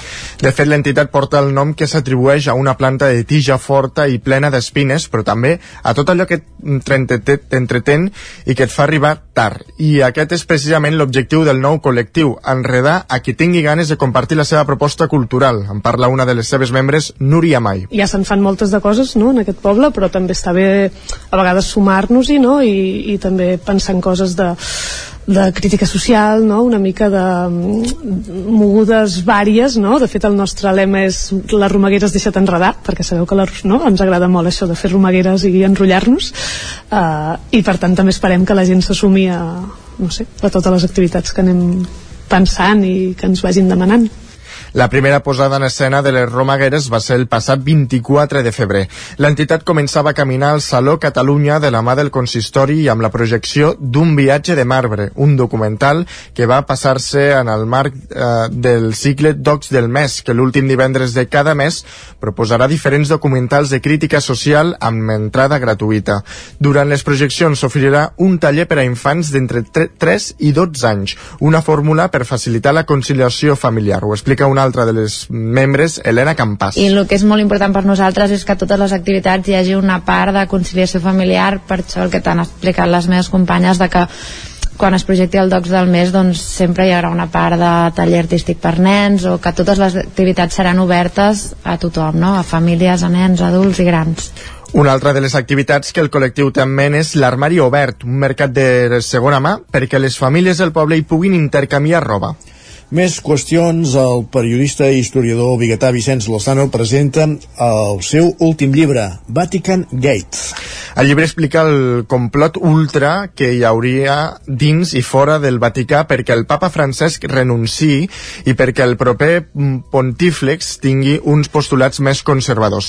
Lozano ho emmarca en la seva eh, eh, ho emmarca en la nova ultradreta capitanejada des dels Estats Units per Steve Bannon. I a partir d'una figura important com és de Steve Bannon, una figura que vull dir que uh -huh. va ser l'exassessor que va portar a la Casa Blanca el president nord-americà Donald Trump i que continua assessorant eh, tota la ultradreta a nivell internacional. Ell és l'artífex del canvi de llenguatge que té l'extrema dreta, de, del canvi d'imatge que té aquesta extrema dreta, que ja no té res a veure amb aquella gent que aixecava la mà en plan Hitler. Eh, aquest personatge que té, doncs, diguéssim, eh, molts amics cardenals a dins del Vaticà, eh, és el que veu la figura del papa francès com una figura que molesta, diguéssim, i que fa nosa en aquest projecte de futur. L'autor defineix l'actual papa com un líder ètic i moral del segle XXI. Hi ha molt pocs de líders ètics i morals eh, que doncs, eh, parlin de la pobresa, parlin de la marginalitat, parlin de, de l'ecologia i de l'escalfament global del planeta com un problema gravíssim que té en aquests moments la, la humanitat Vicenç Lozano ja va publicar fa dos anys Intrigues i poder al Vaticà, una crònica periodística sobre els anys que va ser l'enviat especial de TV3 a Roma i a la Santa Seu, llibre del que fins ara se n'han fet set edicions. Més qüestions encara a la crònica cultural, Scratch, eh, dirigida per Montse Rodríguez, per l'autora biguetana Montse Rodríguez, és un monòleg protagonitzat per Clara Mingueza que s'estrena avui a l'Atlàntida de Vic. Després de l'èxit AK, que ha estat tot un fenomen i que cinc anys després de l'estrena encara s'està representant, el dramaturg catalano-argentí Daniel J. Meyer i la directora usonenca Montse Rodríguez Clusella s'han consolidat com a tàndem creatiu. Han posat en marxa una companyia i han portat a l'escenari dos nous muntatges, Up que s'estrenava al gener al Teatre Nacional de Catalunya i Scratch. N'ha parlat Rodríguez. I Scratch al final és un monòleg això d'una noia que és una DJ, per tant està molt bé que diguis que és com molt adreçat també a públic jove, no? perquè el personatge se situa moments en una discoteca i ell és la, la DJ la que porta la marxa, diguem. La llibertat sexual femenina, no? De no treballar eh, els límits de, del, del que està establert a nivell sexual sobre la por o el no facis o el no diguis, sinó al revés, no? Tu fes el que et doni la gana, diguem-ne, uh, que tinguis la llibertat d'expressar-te com vulguis, Scratch és un monòleg protagonitzat per Clara Mingueza i que es podrà veure a partir de les 8 de la tarda a l'Atlàntida de Vic. Gràcies, Sergi. Granollers acull la setmana vinent la 14a edició de la Fira Guiat. Pol Grau, Ràdio, Televisió Cardedeu. Les instal·lacions de Reconverta Granollers acolliran del 21 al 23 de març la 14a edició de la Fira Guiat, la mostra d'orientació acadèmica impulsada per la xarxa de transició Escola de Treball del Vallès Oriental i organitzada pel Consell Comarcal i l'Ajuntament. És un espai d'orientació i assessorament adreçat essencialment a joves, però en la qual s'han anat incorporant estratègies per oferir recursos formatius adreçats també a persones de més edat, famílies i professionals. Enguany, recuperarà el seu format presencial després de dos anys fent-se per via telemàtica. Aquesta nova edició es durà a terme seguint un canvi de model organitzatiu, més centrat en els sectors productius, d'acord amb la proposta plantejada des de l'Agència de la Formació i Qualificacions Professionals de Catalunya, amb l'objectiu d'ajudar a descobrir vocacions i acompanyar les persones en el seu procés d'orientació formativa i laboral, incidint especialment en el format de les vocacions industrials i a la formació professionalitzadora. Casa Terradellos us ofereix el temps. I de la informació al temps, és moment de tornar a una codinenca i saludar allà en Pep Acosta, el nostre home del temps. Pep, bon dia. Bon dia, comença l'espai del temps. Tindrem això, eh, un temps amb una mica de, de, de ressol, eh, molts núvols prims, eh, i, però en general gairebé cap precipitació, molt, molt poca, molt poca cosa, eh? unes temperatures eh, molt semblants a les d'ahir, potser una mica més baixes, ja que no fa tant de sol, però bueno, eh, força, força suaus al migdia, s'hi estarà força, força bé. De cara a demà, de cara a demà eh, hi haurà alguna novetat, eh, hi haurà alguna precipitació més cap al Pirineu, sobretot a la tarda. A la tarda hi haver alguna precipitació, eh, febles, de 0 a 5 litres com a molt, i unes temperatures que seran una mica més baixes. I diumenge a la tarda, novament, precipitacions, aquest cop cap al nord-est, eh, hi ha una mica més esperances que diumenge la precipitació sigui una mica més intensa, eh, cap als Guilleries, eh, Coix de Cabra, Montseny, i poden, es poden acumular entre 10 i 15 litres. Hi ha aquesta petita esperança que aviam si es produeix perquè seria una molt bona notícia. Uh, dic petita esperança perquè els mapes no, no, no, encara no ho confirmen i no és segur del tot, eh? però sí, sí que aquesta possibilitat eh, cap a Guilleries o Cabra que hi hagi alguna precipitació i una mica més de cara i ulls, entre els 10 i els 15 litres.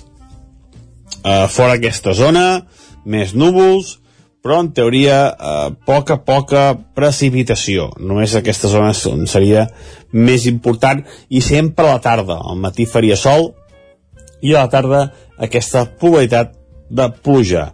Les temperatures normals per l'època de l'any, nit fresques, però durant el dia, eh, les dues centrals del dia, força, força suaus.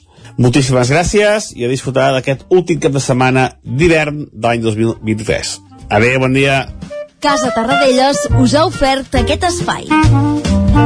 Gràcies, Pep, i del temps als esports. Perquè és moment al territori 17, com fem cada divendres, de repassar l'agenda esportiva del cap de setmana, els compromisos dels equips i esportistes de les nostres comarques, una agenda que la fem en roda per les emissores del territori 17 i comencem a rodar els estudis de Ràdio i Televisió Cardeu, allà hi tenim un dia més en Pol Grau, aquí ja saludem, benvingut Pol, bon dia. Bon dia. Com tenim l'agenda del cap de setmana? De l'al·lèrgia ja no parlem, ja no t'ho demano, però, però de l'agenda... Car carregada de carregada de partits tenim. Molt bé, doncs va, som-hi. Tenim per feina. Comencem amb futbol. El primer equip del Cardeu no juga aquest de setmana, ja que la setmana passada es va classificar per jugar la, la segona fase de la, de la jornada a la Lliga, que és l'ascens a, a primera catalana, on jugarà el cap de setmana següent. El que sí que juga aquest de setmana és el filial, el Cardeu B, que juga demà dissabte a dos quarts de, de, de, de cinc a casa contra el Santa Eulàlia de Ronçana el Santa Eulàlia de Ronçana, que va penúltim, el Cardedeu va de UE amb 26 punts, així que veurem si s'aconsegueixen portar els 3 punts. El Llinàs també juga demà dissabte a casa a les 6 de la tarda contra el Palau Tordera. El Llinàs que va eh, 12 amb 23 punts, juga contra el Palau Tordera que va 15 amb 20 punts, així que veurem també si aconsegueixen portar-se aquests 3 punts i allunyar-se de la part baixa de la classificatòria.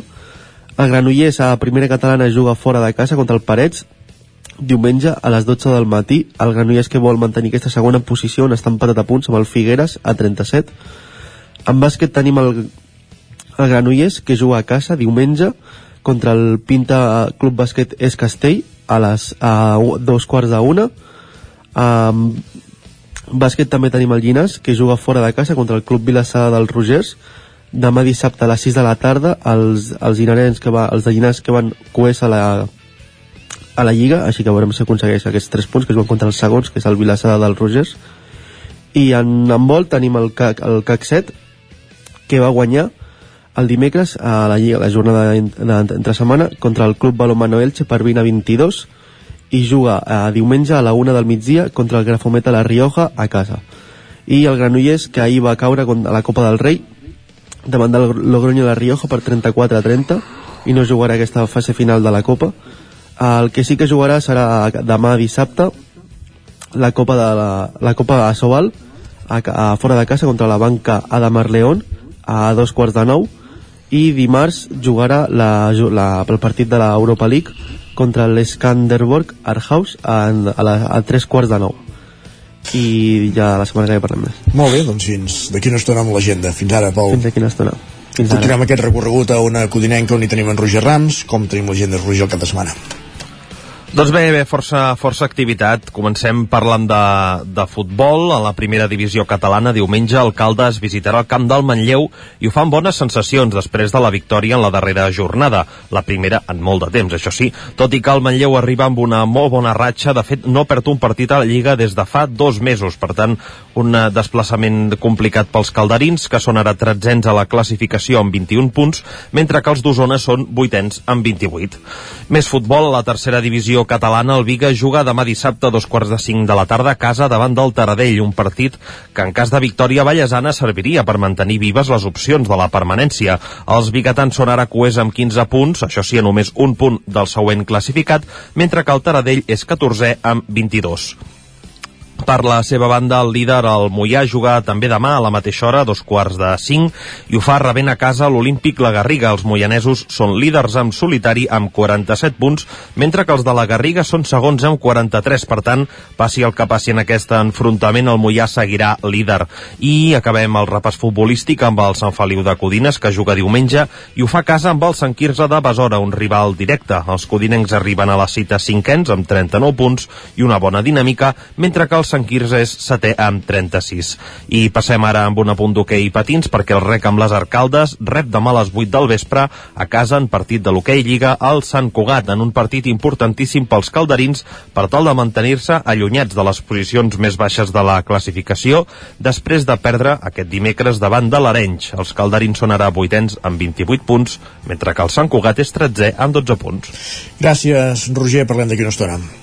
Fins ara. Fins ara. I continuem aquest recorregut a la veu de Sant Joan. Allà ens espera un dia més l'Isaac Muntades. Isaac, bon dia. Bon dia. Doncs, si us sembla bé, comencem parlant de futbol i anem al grup 18 de la tercera catalana, en què la Badesenc visita el camp del Sant Privat d'en Bas aquest dissabte a les 4 de la tarda. Els Sant Joanins són segons amb 44 punts i tenen el lideratge de la Lliga 10 punts, però volen sumar la victòria per pressionar el líder. Fa 7 partits que no perden i només n'han empatat dos d'aquests.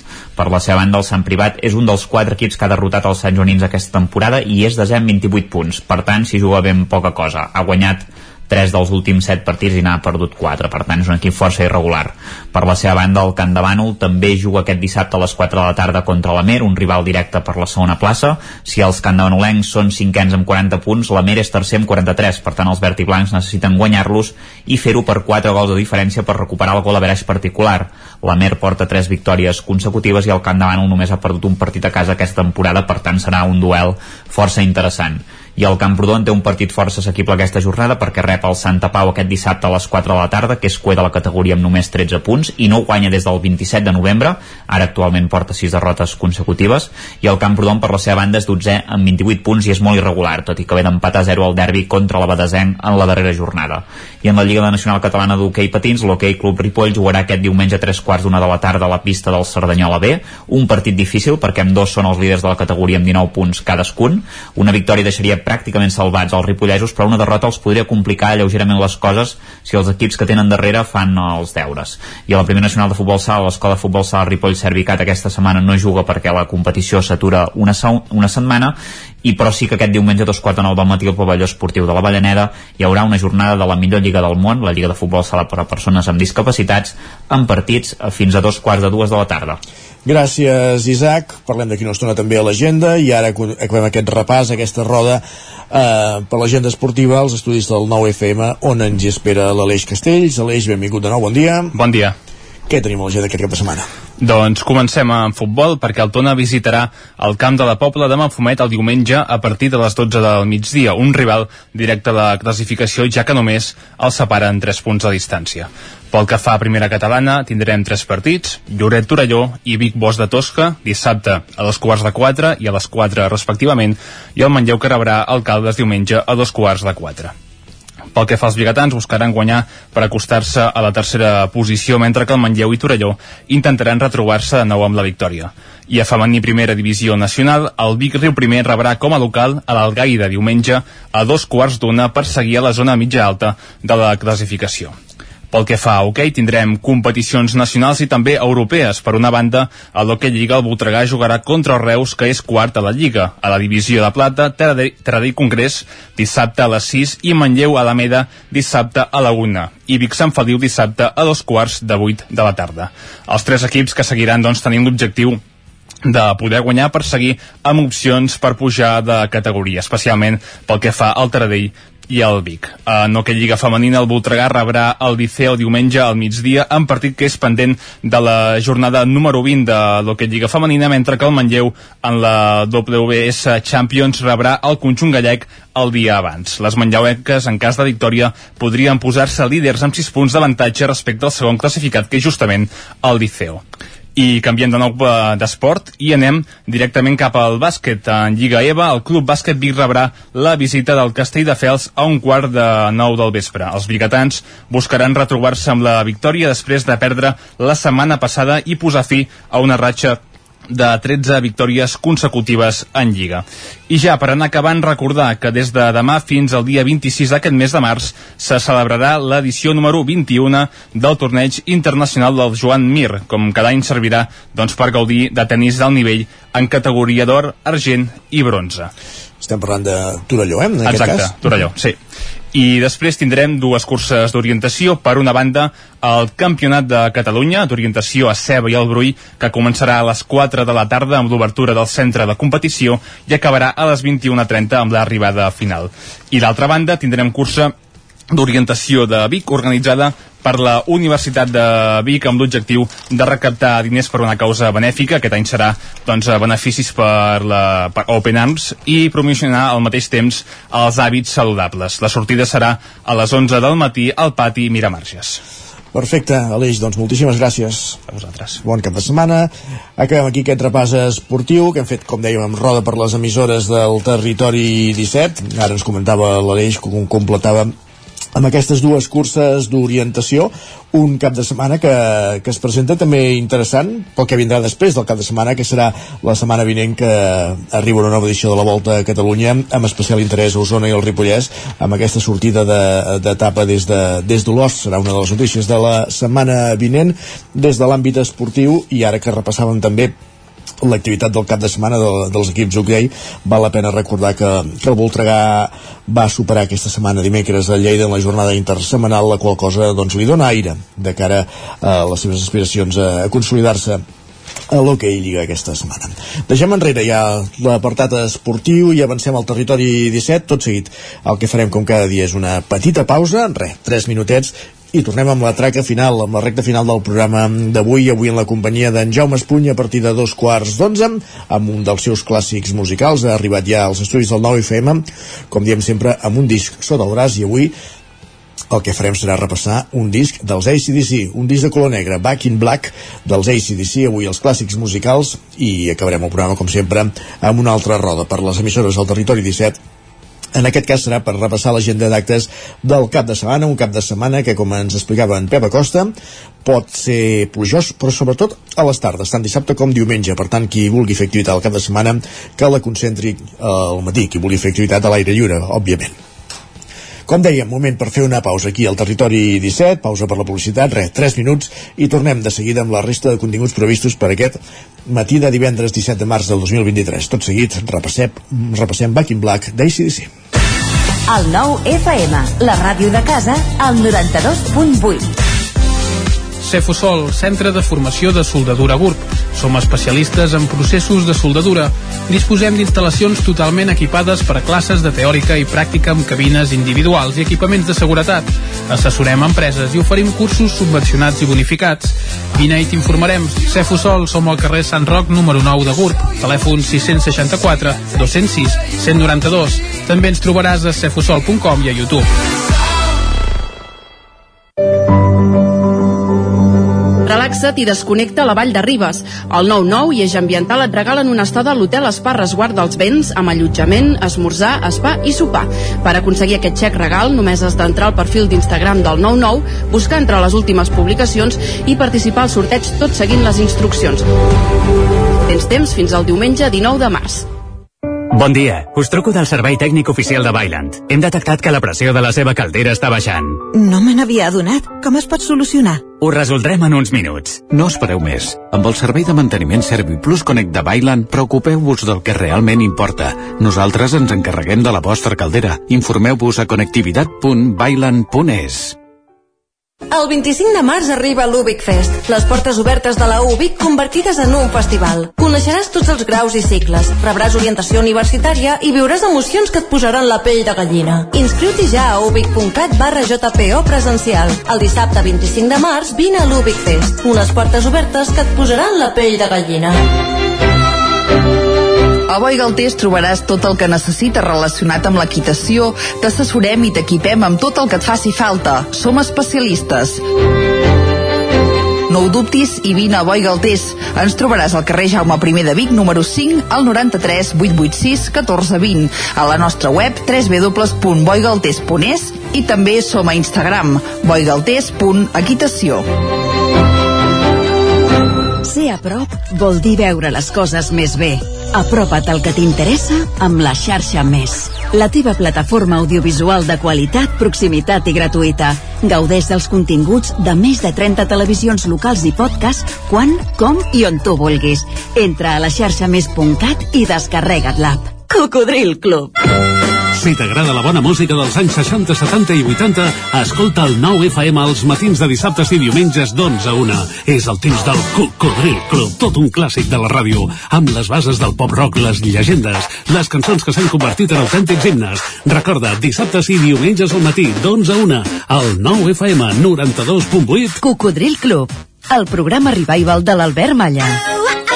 Hasta luego, cocodrilo. En punt al territori 17, dos quarts d'onze.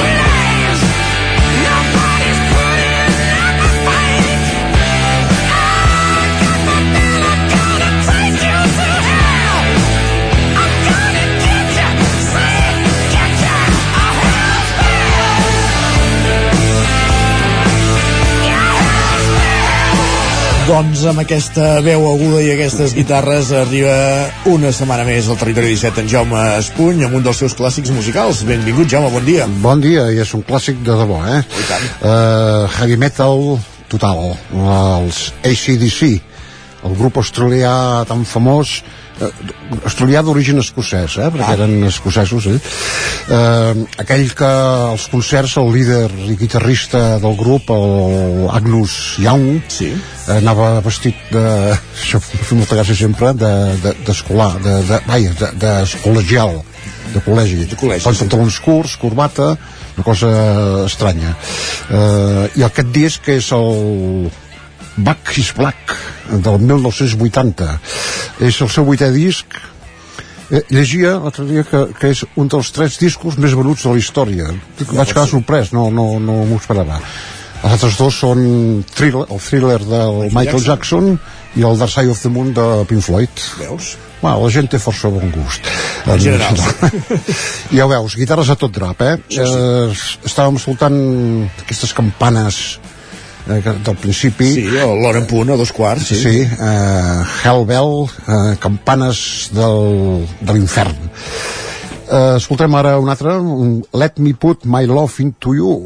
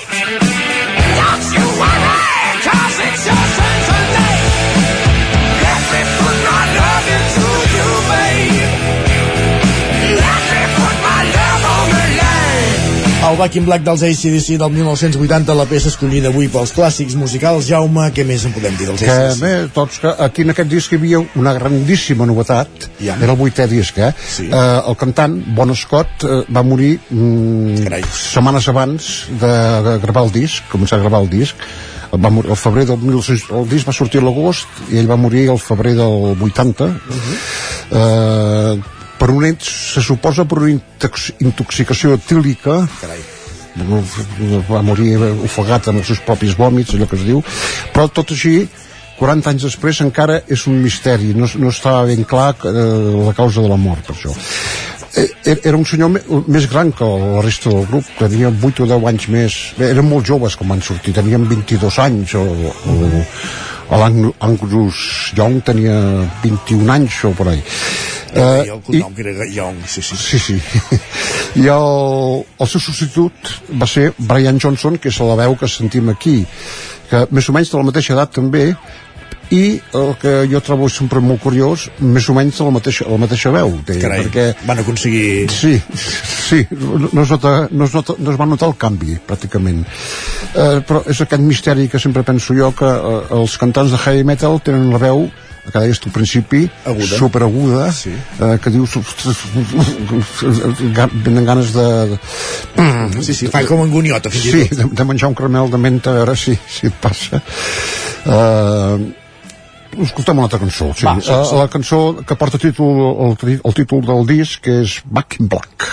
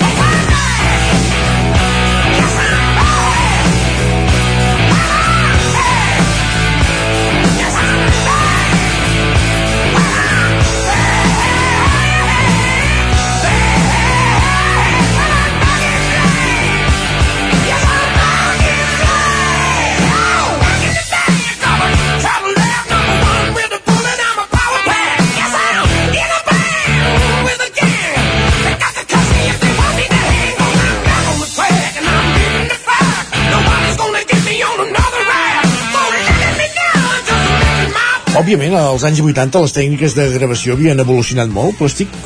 em sobta molt el so d'aquest disc, perquè trobo que és un so molt contemporani, per entendre's. Ah, ja, sí, sí, sí. Sona molt actual. A mi, jo no sóc un gran aficionat al heavy metal, però els ACDC m'agraden, m'agraden. I, bueno, ja ho veus, uh, uh, aquí no hi ha espai ni per posar-hi alguna cançó, un violí o, o algun saxo o un piano, no, no, no hi ha dues guitarres, un baix, una bateria i una, i una veu. I una veu, sí, sí. Uh, a vegades dius, ostres, semblen és una mica monòton, no? Però no, no, són riff de guitarres i cops forts de bateria i vinga, vinga i això és el, el ACDC i, i el, això, i la majoria de cançons doncs parlen de, de sexe és, és una cosa que tenien al cap ficat no sé per què i, i, i les, les cançons aquestes allà als, quan, als estadis de, en concerts la gent se les sap de memòria eh? se les sabia de memòria encara existeixen eh? els, els ACDC l'últim disc que van gravar em sembla que és del 1900, ai, 2020 eh, i encara fan alguna actuació però només eh, dels cinc originals de, dels anys 70 eh, només queda el, el líder l'Angus Young però el seu germà, eren dos germans Malcolm Young, que era l'altra guitarra i l'Angus Young però el Malcolm Young va morir el 2017 de, d'Alzheimer, tenia Alzheimer. Sí. i el va substituir un seu fill, el Steve Young i, bueno, és el grup que hi ha ara més tres més que ni sé els noms, eh? però van, van, van fent, van fent. Uh, no, escolta, podem escoltar ara... Sí, You Shook Me All Night Long. No, perdona, Shake a Leg.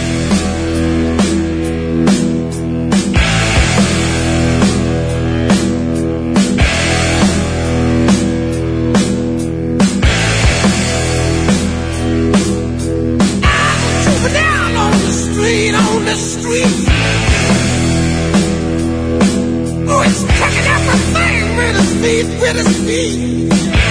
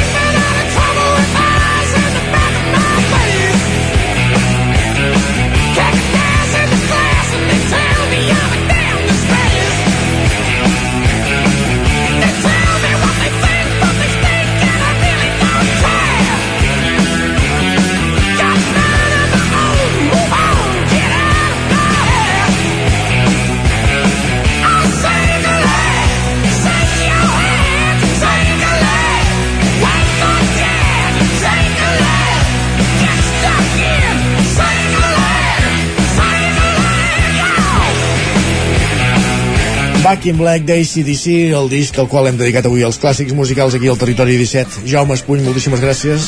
Ens No. divendres vinent. De res. Uh, a veure si la setmana que ve portem una cosa més tranquil·la. Va. Va, no costarà gaire. bon cap de setmana. Molt bé, gràcies, igualment.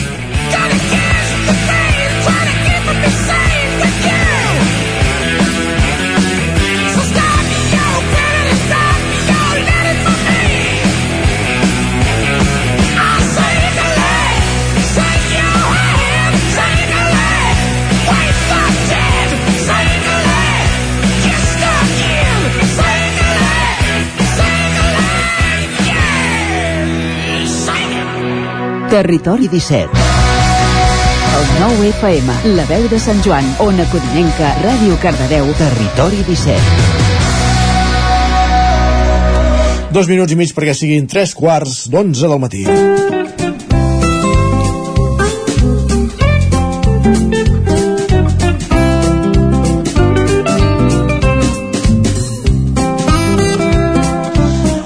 Territori 17 el que fem tot seguit és dedicar-nos a l'agenda, altre cop a fer roda per les emissores del Territori 17 i saber quins són els actes més destacats de l'agenda del cap de setmana. Pol Grau, Ràdio Televisió Cardedeu. Per on comencem? Uh, comencem per un concurs de punts de llibres de, per preparar Sant Jordi, on fins al 20, 27 de març podrem entregar aquest dibuix que podrà sortir al, al punt de llibre, on hi haurà set guanyadors en diferents categories de fins a 3 anys, de 4 a 6, de 7 a 9, de 10 a 13, de 14 a 17, de 18 a 69 i per més de 70 anys. Així que qui vulgui apuntar-se eh, pot trobar el, els, els locals i comerços de Cardedeu per uh, fer aquest dibuix. Uh, com vam parlar ahir, també tenim la tarambanada, on aquest cap de setmana tindrem diferents activitats, així per repassar una miqueta tindrem uh, avui a la tarda un mini, un mini traficants, demà al- a la tarda també tenim el repte gastronòmic aquest de cuina amb borregos, uh, diumenge tindrem el tastet amb diferents eh, menjars i aliments de, de quilòmetre zero i eh, també s'inclouen en aquesta tarambanada el vermut literari d'aquest eh, mes de març amb la Regina Rodríguez eh, presentant les seves Les calces del sol. Eh, avui divendres també tindrem un de mot en mot a, les, a dos quarts de set a la biblioteca Marc de Vilalba aquí a Cardedeu eh, com és tercer mes de tercer cap de setmana de mes tindrem un mercat d'artesania a, a la plaça de l'Església. Al Teatre Auditori de Cardeu tindrem la, avui, demà dissabte a les 8 de la nit l'obra de dansa contemporània de Winnie Total About the Shadow uns 45 minuts per un preu de 10 euros. I diumenge al matí tindrem a les 12 al matí tindrem un assaig obert eh, la- d'art sinfònica jove gratuït a tothom aproximadament d'una hora per qui vulgui anar a veure i al Verdi tindrem la pel·lícula de Suro eh, avui, demà i diumenge i per acabar a Granollers tindrem el Víctor de Diego avui divendres a les 8 de la nit per al 33è Jazz Granollers Festival al Casino de Granollers Gràcies, Pol, bon cap de setmana. Bon cap de setmana. Roger Rams, Ona Codinenca, repassem l'agenda ràpidament. Vinga, va, sí, comencem. Pel que fa als actes del cap de setmana als nostres pobles, comencem aquí a Sant Feliu, on demà dissabte, a partir de dos quarts de cinc, s'ha organitzat la trobada infernal, que comptarà amb la plantada de bèsties, un correfoc infantil i també un d'adult. Per tant, demà a la tarda i fins al vespre, els amants de la pólvora tenen una cita aquí a Sant Feliu de Codines. De cara a diumenge hi ha un taller familiar de clown al centre cívic La Fonteta i en el marc del 40è concurs de teatre amateur s'hi podrà veure a les 7 de la tarda l'obra A la Lluna, interpretada per la companyia còmics de la Garriga. Anem a Caldes de Montbui perquè aquest cap de setmana hi ha festa grossa, ja que arriba una nova edició del Mercat de l'Olla de Catalunya, on hi haurà parades, exposicions, xerrades i moltes activitats durant tot el cap de setmana i on la protagonista un cop més serà l'olla més gran de Catalunya, a la qual s'hi couran 300 quilos de llegums. Per tant, una, una festa grossa a Caldes de Montbui. Pel que fa Vigues i Riells del Fai, també cap de setmana dedicat a la gastronomia, en aquest cas a la Fira de l'Oli del Vallès, que demà dissabte eh, acollirà Vigues i Riells del Fai i en la qual s'hi presentarà l'Associació de Productors amb qui hem parlat aquesta setmana aquí al Territori 17 i on la denominació d'origen de l'oli de vera serà la protagonista d'aquesta festa on també hi haurà botigues, tastos i activitats per a tots els públics. I acabem a la comarca del Moianès demà dissabte a Collsospina hi ha una jornada divulgativa sobre el patrimoni local amb obres inspirades en Le Corbusier i també demà a Santa Maria d'Oló hi ha l'obra de teatre El Cargol i la Balena mentre que diumenge Castellterçol acull una nova obra de teatre en el marc del Festival Escena 42, que en aquesta ocasió serà La Ruïna, una comèdia per enriure-se'n de la crisi. Doncs ens en riurem. Gràcies, Roger, bon cap de setmana. Gràcies, bon cap de setmana, fins dilluns. I nosaltres continuem aquest recorregut per les emissores del Territori 17. Anem ara fins a la veu de Sant Joan. Allà ens hi espera de nou l'Isaac Muntades. Bon dia, Isaac, de nou. Bon dia de nou. Doncs aquest cap de setmana tenim moltes activitats. Per exemple, avui mateix a les 6 de la tarda a la Biblioteca Josep Picola d'aquí a Sant Joan dels Abadeses s'hi farà la presentació del llibre Mirall sense mar, la interculturalitat al món, presentat per Mònica Oms, que és periodista a la Mira, i també hi haurà la presència dels seus actor, autors, Carme Bruguerola i Ramon Maideu, i a dos quarts de set del vespre, però a Ripoll es farà la primera sessió del Club de Lectura de Poesia a la Lluerna Llibreria amb l'abraçada que de Roc, Casagran, de Roc Casagran en un acte conduït per Gemma Arimany i al cinema Casal Camprodonia a dos quarts de nou de la nit hi haurà una mostra de cinema i premis de curtmetratges. I encara aquest divendres al Casino de Can Davano concert de Uazú amb homenatge a Zapa a les 10 de la nit. Dissabte s'inaugura a l'Espai Art l'Abadia les exposicions País Paisatge 2022 i Quintet d'Estiu Paisatges 1995 de l'artista tonenc però amb estudi a Sant Joan, Gerard Sala. A la planta baixa hi haurà l'obra més recent, País Paisatges 2022, amb peces de més petit format i que inclouen noves textures i elements visuals sense abandonar el segell de l'ar- de l'artista. I al primer pilís del claustre hi haurà el conjunt de peces de llegat que Sala ha cedit a l'Ajuntament i a la Vila.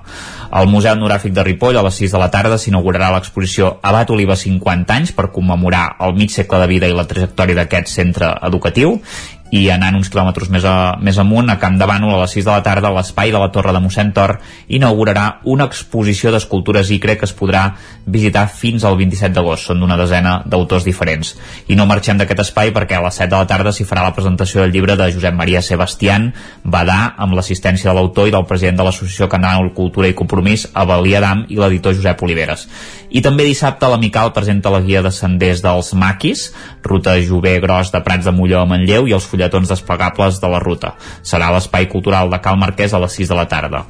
Diumenge, a Can Dànol es farà la 22a Caminada Popular amb sortida a la plaça Malció Baquer dos quarts de nou del matí, organitzada pel grup excursionista Can Dànol, són uns 9 quilòmetres aproximadament, i també a Can Dànol a dos quarts d'una es farà la descoberta de la placa commemorativa de l'edifici on va néixer Josep Fosses, aquest pintor de Can Dànol tan prolífic. Els gladiers de Can Dànol interpretaran la gala. A les 5 de la tarda al Teatre Centre de Sant Joan i dins del 19è cicle d'espectacles infantils es farà l'espectacle Il·lusionat a càrrec de David Almac i a partir de dos quarts de sis de la tarda a la sala d'Algrets de Ripoll torna el ball dels diumenges amb Raimon Músic. I a Camprodon l'espai cultural de Carme Marquès de divendres a diumenge fins al 30 d'abril es podrà veure l'exposició Josep Bartolit Dibuixos de guerra i exili. I a partir de la setmana que ve doncs, ja us començarem a parlar de, de Fira de les 40 hores, que és un dels grans esdeveniments que té aquest any el Ripollès en matèria d'oci, cultura i també doncs, eh, d'aquesta fira multisectorial. Està clar que a partir de la setmana que ve començarem a parlar de la Fira de les 40 hores que es presenta i arribarà eh, el darrer cap de setmana de, de mes a Ripoll. Gràcies, Isaac, bon cap de setmana també i acabem aquest recorregut als estudis del 9FM avui, on avui ens hi acompanya en Miquel R. Benvingut, Miquel, bon dia de nou. Molt bon dia. Fem un cop d'ull a l'agenda del cap de setmana, però on comencem? Mira, si et sembla destacaré i portaré una, una proposta destacada tant en l'àmbit més d'arts escèniques com també més lúdica i festiva. Començaríem amb arts escèniques i ens, ens hem de situar per força aquest divendres al vespre a l'Atlàntida en què el, el grup K Teatre, en el qual hi ha la, la directora biguetana Montse Rodríguez, juntament amb, amb Daniel Meyer, que van crear eh, l'espectacle Aka, molt recordat, eh, i que va ser tot un èxit, i ara ens porten un nou muntatge que es diu Scratch, això és un, un monòleg teatral així de nova creació en què la música també també té un pes important eh, tant a nivell eh, dramatúrgic com escènic. Eh, amb Clara Mingueza diguéssim d'intèrprete de l'escenari i Paula Jornet com a compositora de la música. Per tant espectacle molt recomanat. Això és aquest divendres a partir de les 8 del vespre a la sala a la- l'Atlàntida de Vic. Molt bé. Um, deixa'm fer un salt per anar-me'n ja cap a, cap a Calaix per portar una proposta també d'aquestes que, que té un públic molt fidel que s'ha consolidat molt els últims anys que és la Vic Slot Clàssic sí. què és la Vic Slot Clàssic? doncs això Cotxes una- d'escalèxtric. correcte Que- que s'han dit tota la vida. tota la vida cotxes d'escalèxtric en diuen slot, cotxes d'aquests diguéssim eh, a escala Mm, estem parlant de la setzena edició eh, de nou a la plaça Major de fet s'ha fet sempre a la plaça Major excepte aquell parèntesi durant la, la, la postpandèmia que, que es va traslladar al Sucre torna ja com va fer l'any passat a la plaça Major s'esperen una quarantena d'expositors eh, fins i tot hi ha alguns provinents de França i el Regne Unit que sempre porten peces singulars eh, amb una vuitantena de parades i, i al mig de plaça ja dic també eh, hi haurà una exposició de fotografies sobre cotxes i motos de competició es posarà a la venda el clàssic eh, cotxe commemoratiu i com a acompanyament diguéssim de luxe que sempre crida molt l'atenció hi ha la trobada aquesta de, de cotxes clàssics que sí. ja fa més de 20 anys. De fet va ser anterior la trobada de cotxes clàssics a la mateixa Fira Vic Eslot eh, diguéssim que ara fan un matxembrat eh, curiós i perquè pots veure alguns dels mateixos cotxes eh, diguéssim reals amb, amb la seva reproducció a escala, curiós això és diumenge al matí eh, de les, les 9 del matí fins a les 2 del migdia, per tant ininterrompudament la gent que tingui ganes de, de treure el cap eh, interessant. Molt bé. més propostes, el mateix diumenge eh, aquests dies ens presentaven aquestes, aquesta nova zona d'aigua molls a Vic, Sí, eh, el sector de les Casasses, eh, un espai de, de 7.000 metres quadrats, un espai que serà molt bonic quan plogui i malauradament ara diguéssim que el problema d'aigua és que no, no, no podem acabar de veure sí. verd com s'hauria d'anar veient Ni aigua ni moll ara mateix, no? de fet sí que hi ha, hi ha dues basses una sí que hi ha aigua perquè és la que s'alimenta d'aigües freàtiques mm. i, i, i per tant allà mateix hi ha tocar diguéssim a un lloc que fa el meandre al riu Gurri aquí ja encara hi podem veure aigua més amunt que és la que es, que, que es anirà omplint d'aigües pluvials procedents del polígon de les Casasses aquesta sí que és ben buida perquè evidentment no, no hi ha pluja aquest és un ambient que, que, que, que ha d'anar oferint diguéssim aixopluc espècies eh, eh, també s'hi han plantat arbres i arbust però també han de venir doncs, espècies animals, ocells, amfibis, rèptils eh, d'aquests que estan habituats a zones humides eh, i per tant a bosc de ribera veurem com anava evolucionant però de moment aquest diumenge a partir de les 9 del matí qui tingui ganes de, de conèixer la zona ho, ho pot fer tot seguint els tallers que farà el grup d'anellament de Call d'Atenes que ha convocat una sortida naturalista a, a l'entorn d'aquest espai i ens, ens ensenyarà una mica com es fa l'anellament científic d'ocells molt bé. Més propostes. Uh, Xavier Cervera, eh, el, el guia turístic de Fòrum Vicus, ha convocat per aquest cap de setmana i diumenge hi ha dues possibilitats a les 10 del matí i a les 12 del migdia una visita a l'església dels Dolors uh, un espai a vegades eh, que, que continua amagant misteris, que continua amagant allò certs secretismes i a més a més estem a 15 dies de la, de la processó dels armats, allà s'hi guarden tots els elements d'aquesta processó eh, tricentenària i per tant és un bon moment per conèixer una mica aquesta, la, la històrica bombonera barroca que, que l'anomenava que s'havia anomenat eh, històricament i també els elements que formen part de la, de la processó dels armats. Per tant, una proposta més pel cap de setmana. Eh, en principi, i recordar també, vinculat a, a projectes que ens han presentat, eh, aquesta setmana l'Ajuntament de Vic ens ensenyava la nova marca, diguéssim, que de paraigües per, pels mercats ambulants de Vic, recordem sí. que són dos, el de, el de dimarts, el de dissabte i també el del Remei, els diumenges, en aquest cas, eh, eh, dins el mar, eh, tot aquest mes s'estan fent en rutes per descobrir o per redescobrir el que és el punt d'interès artesanal del carrer de la Riera o per, per, per, per descobrir el teixit d'elements de, de, i, i botigues emblemàtiques. En aquest cas es farà una ruta aquest dissabte a les 11 del matí per conèixer també eh, l'essència d'aquest mercat setmanal, no?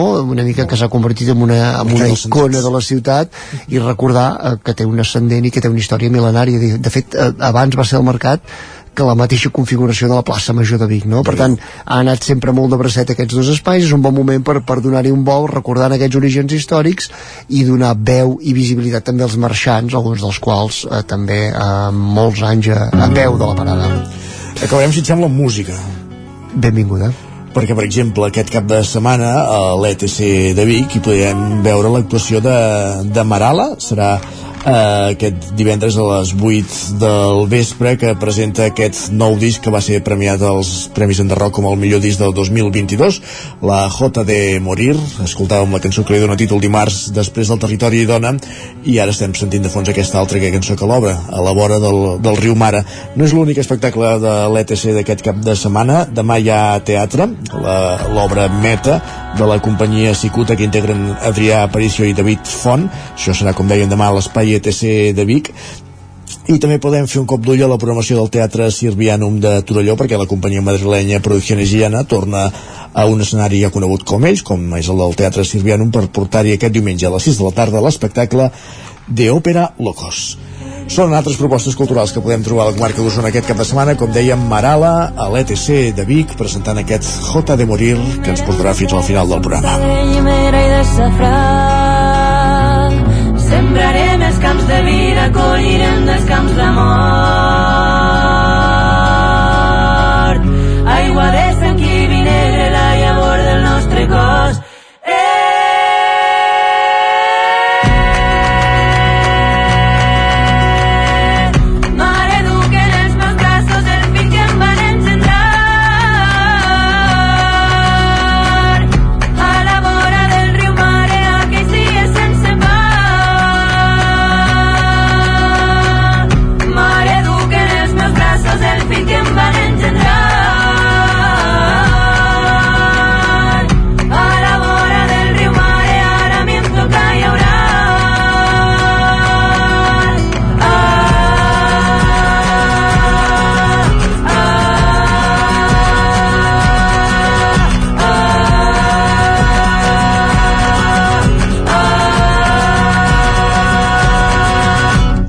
I en Marala, recordem avui a les 8 del vespre a l'Espai ETC d'Iví, que acabem el repàs a l'agenda i acabem el territori 17 d'aquest matí de divendres 17 de març de 2023. Entrem al cap de setmana. Avui us hem acompanyat des de les 9 del matí Jordi Vilardà, Miquel R, Víctor Palomar, Pepa Costa, Aleix Castells, Roger Rams, Pol Grau, Isaac Montada, Sergi Vives i Isaac Moreno. I tornem dilluns a partir de les 9 del matí, com cada dia, fent-vos companyia. Fins aleshores, moltes gràcies per ser-hi i bon cap de setmana.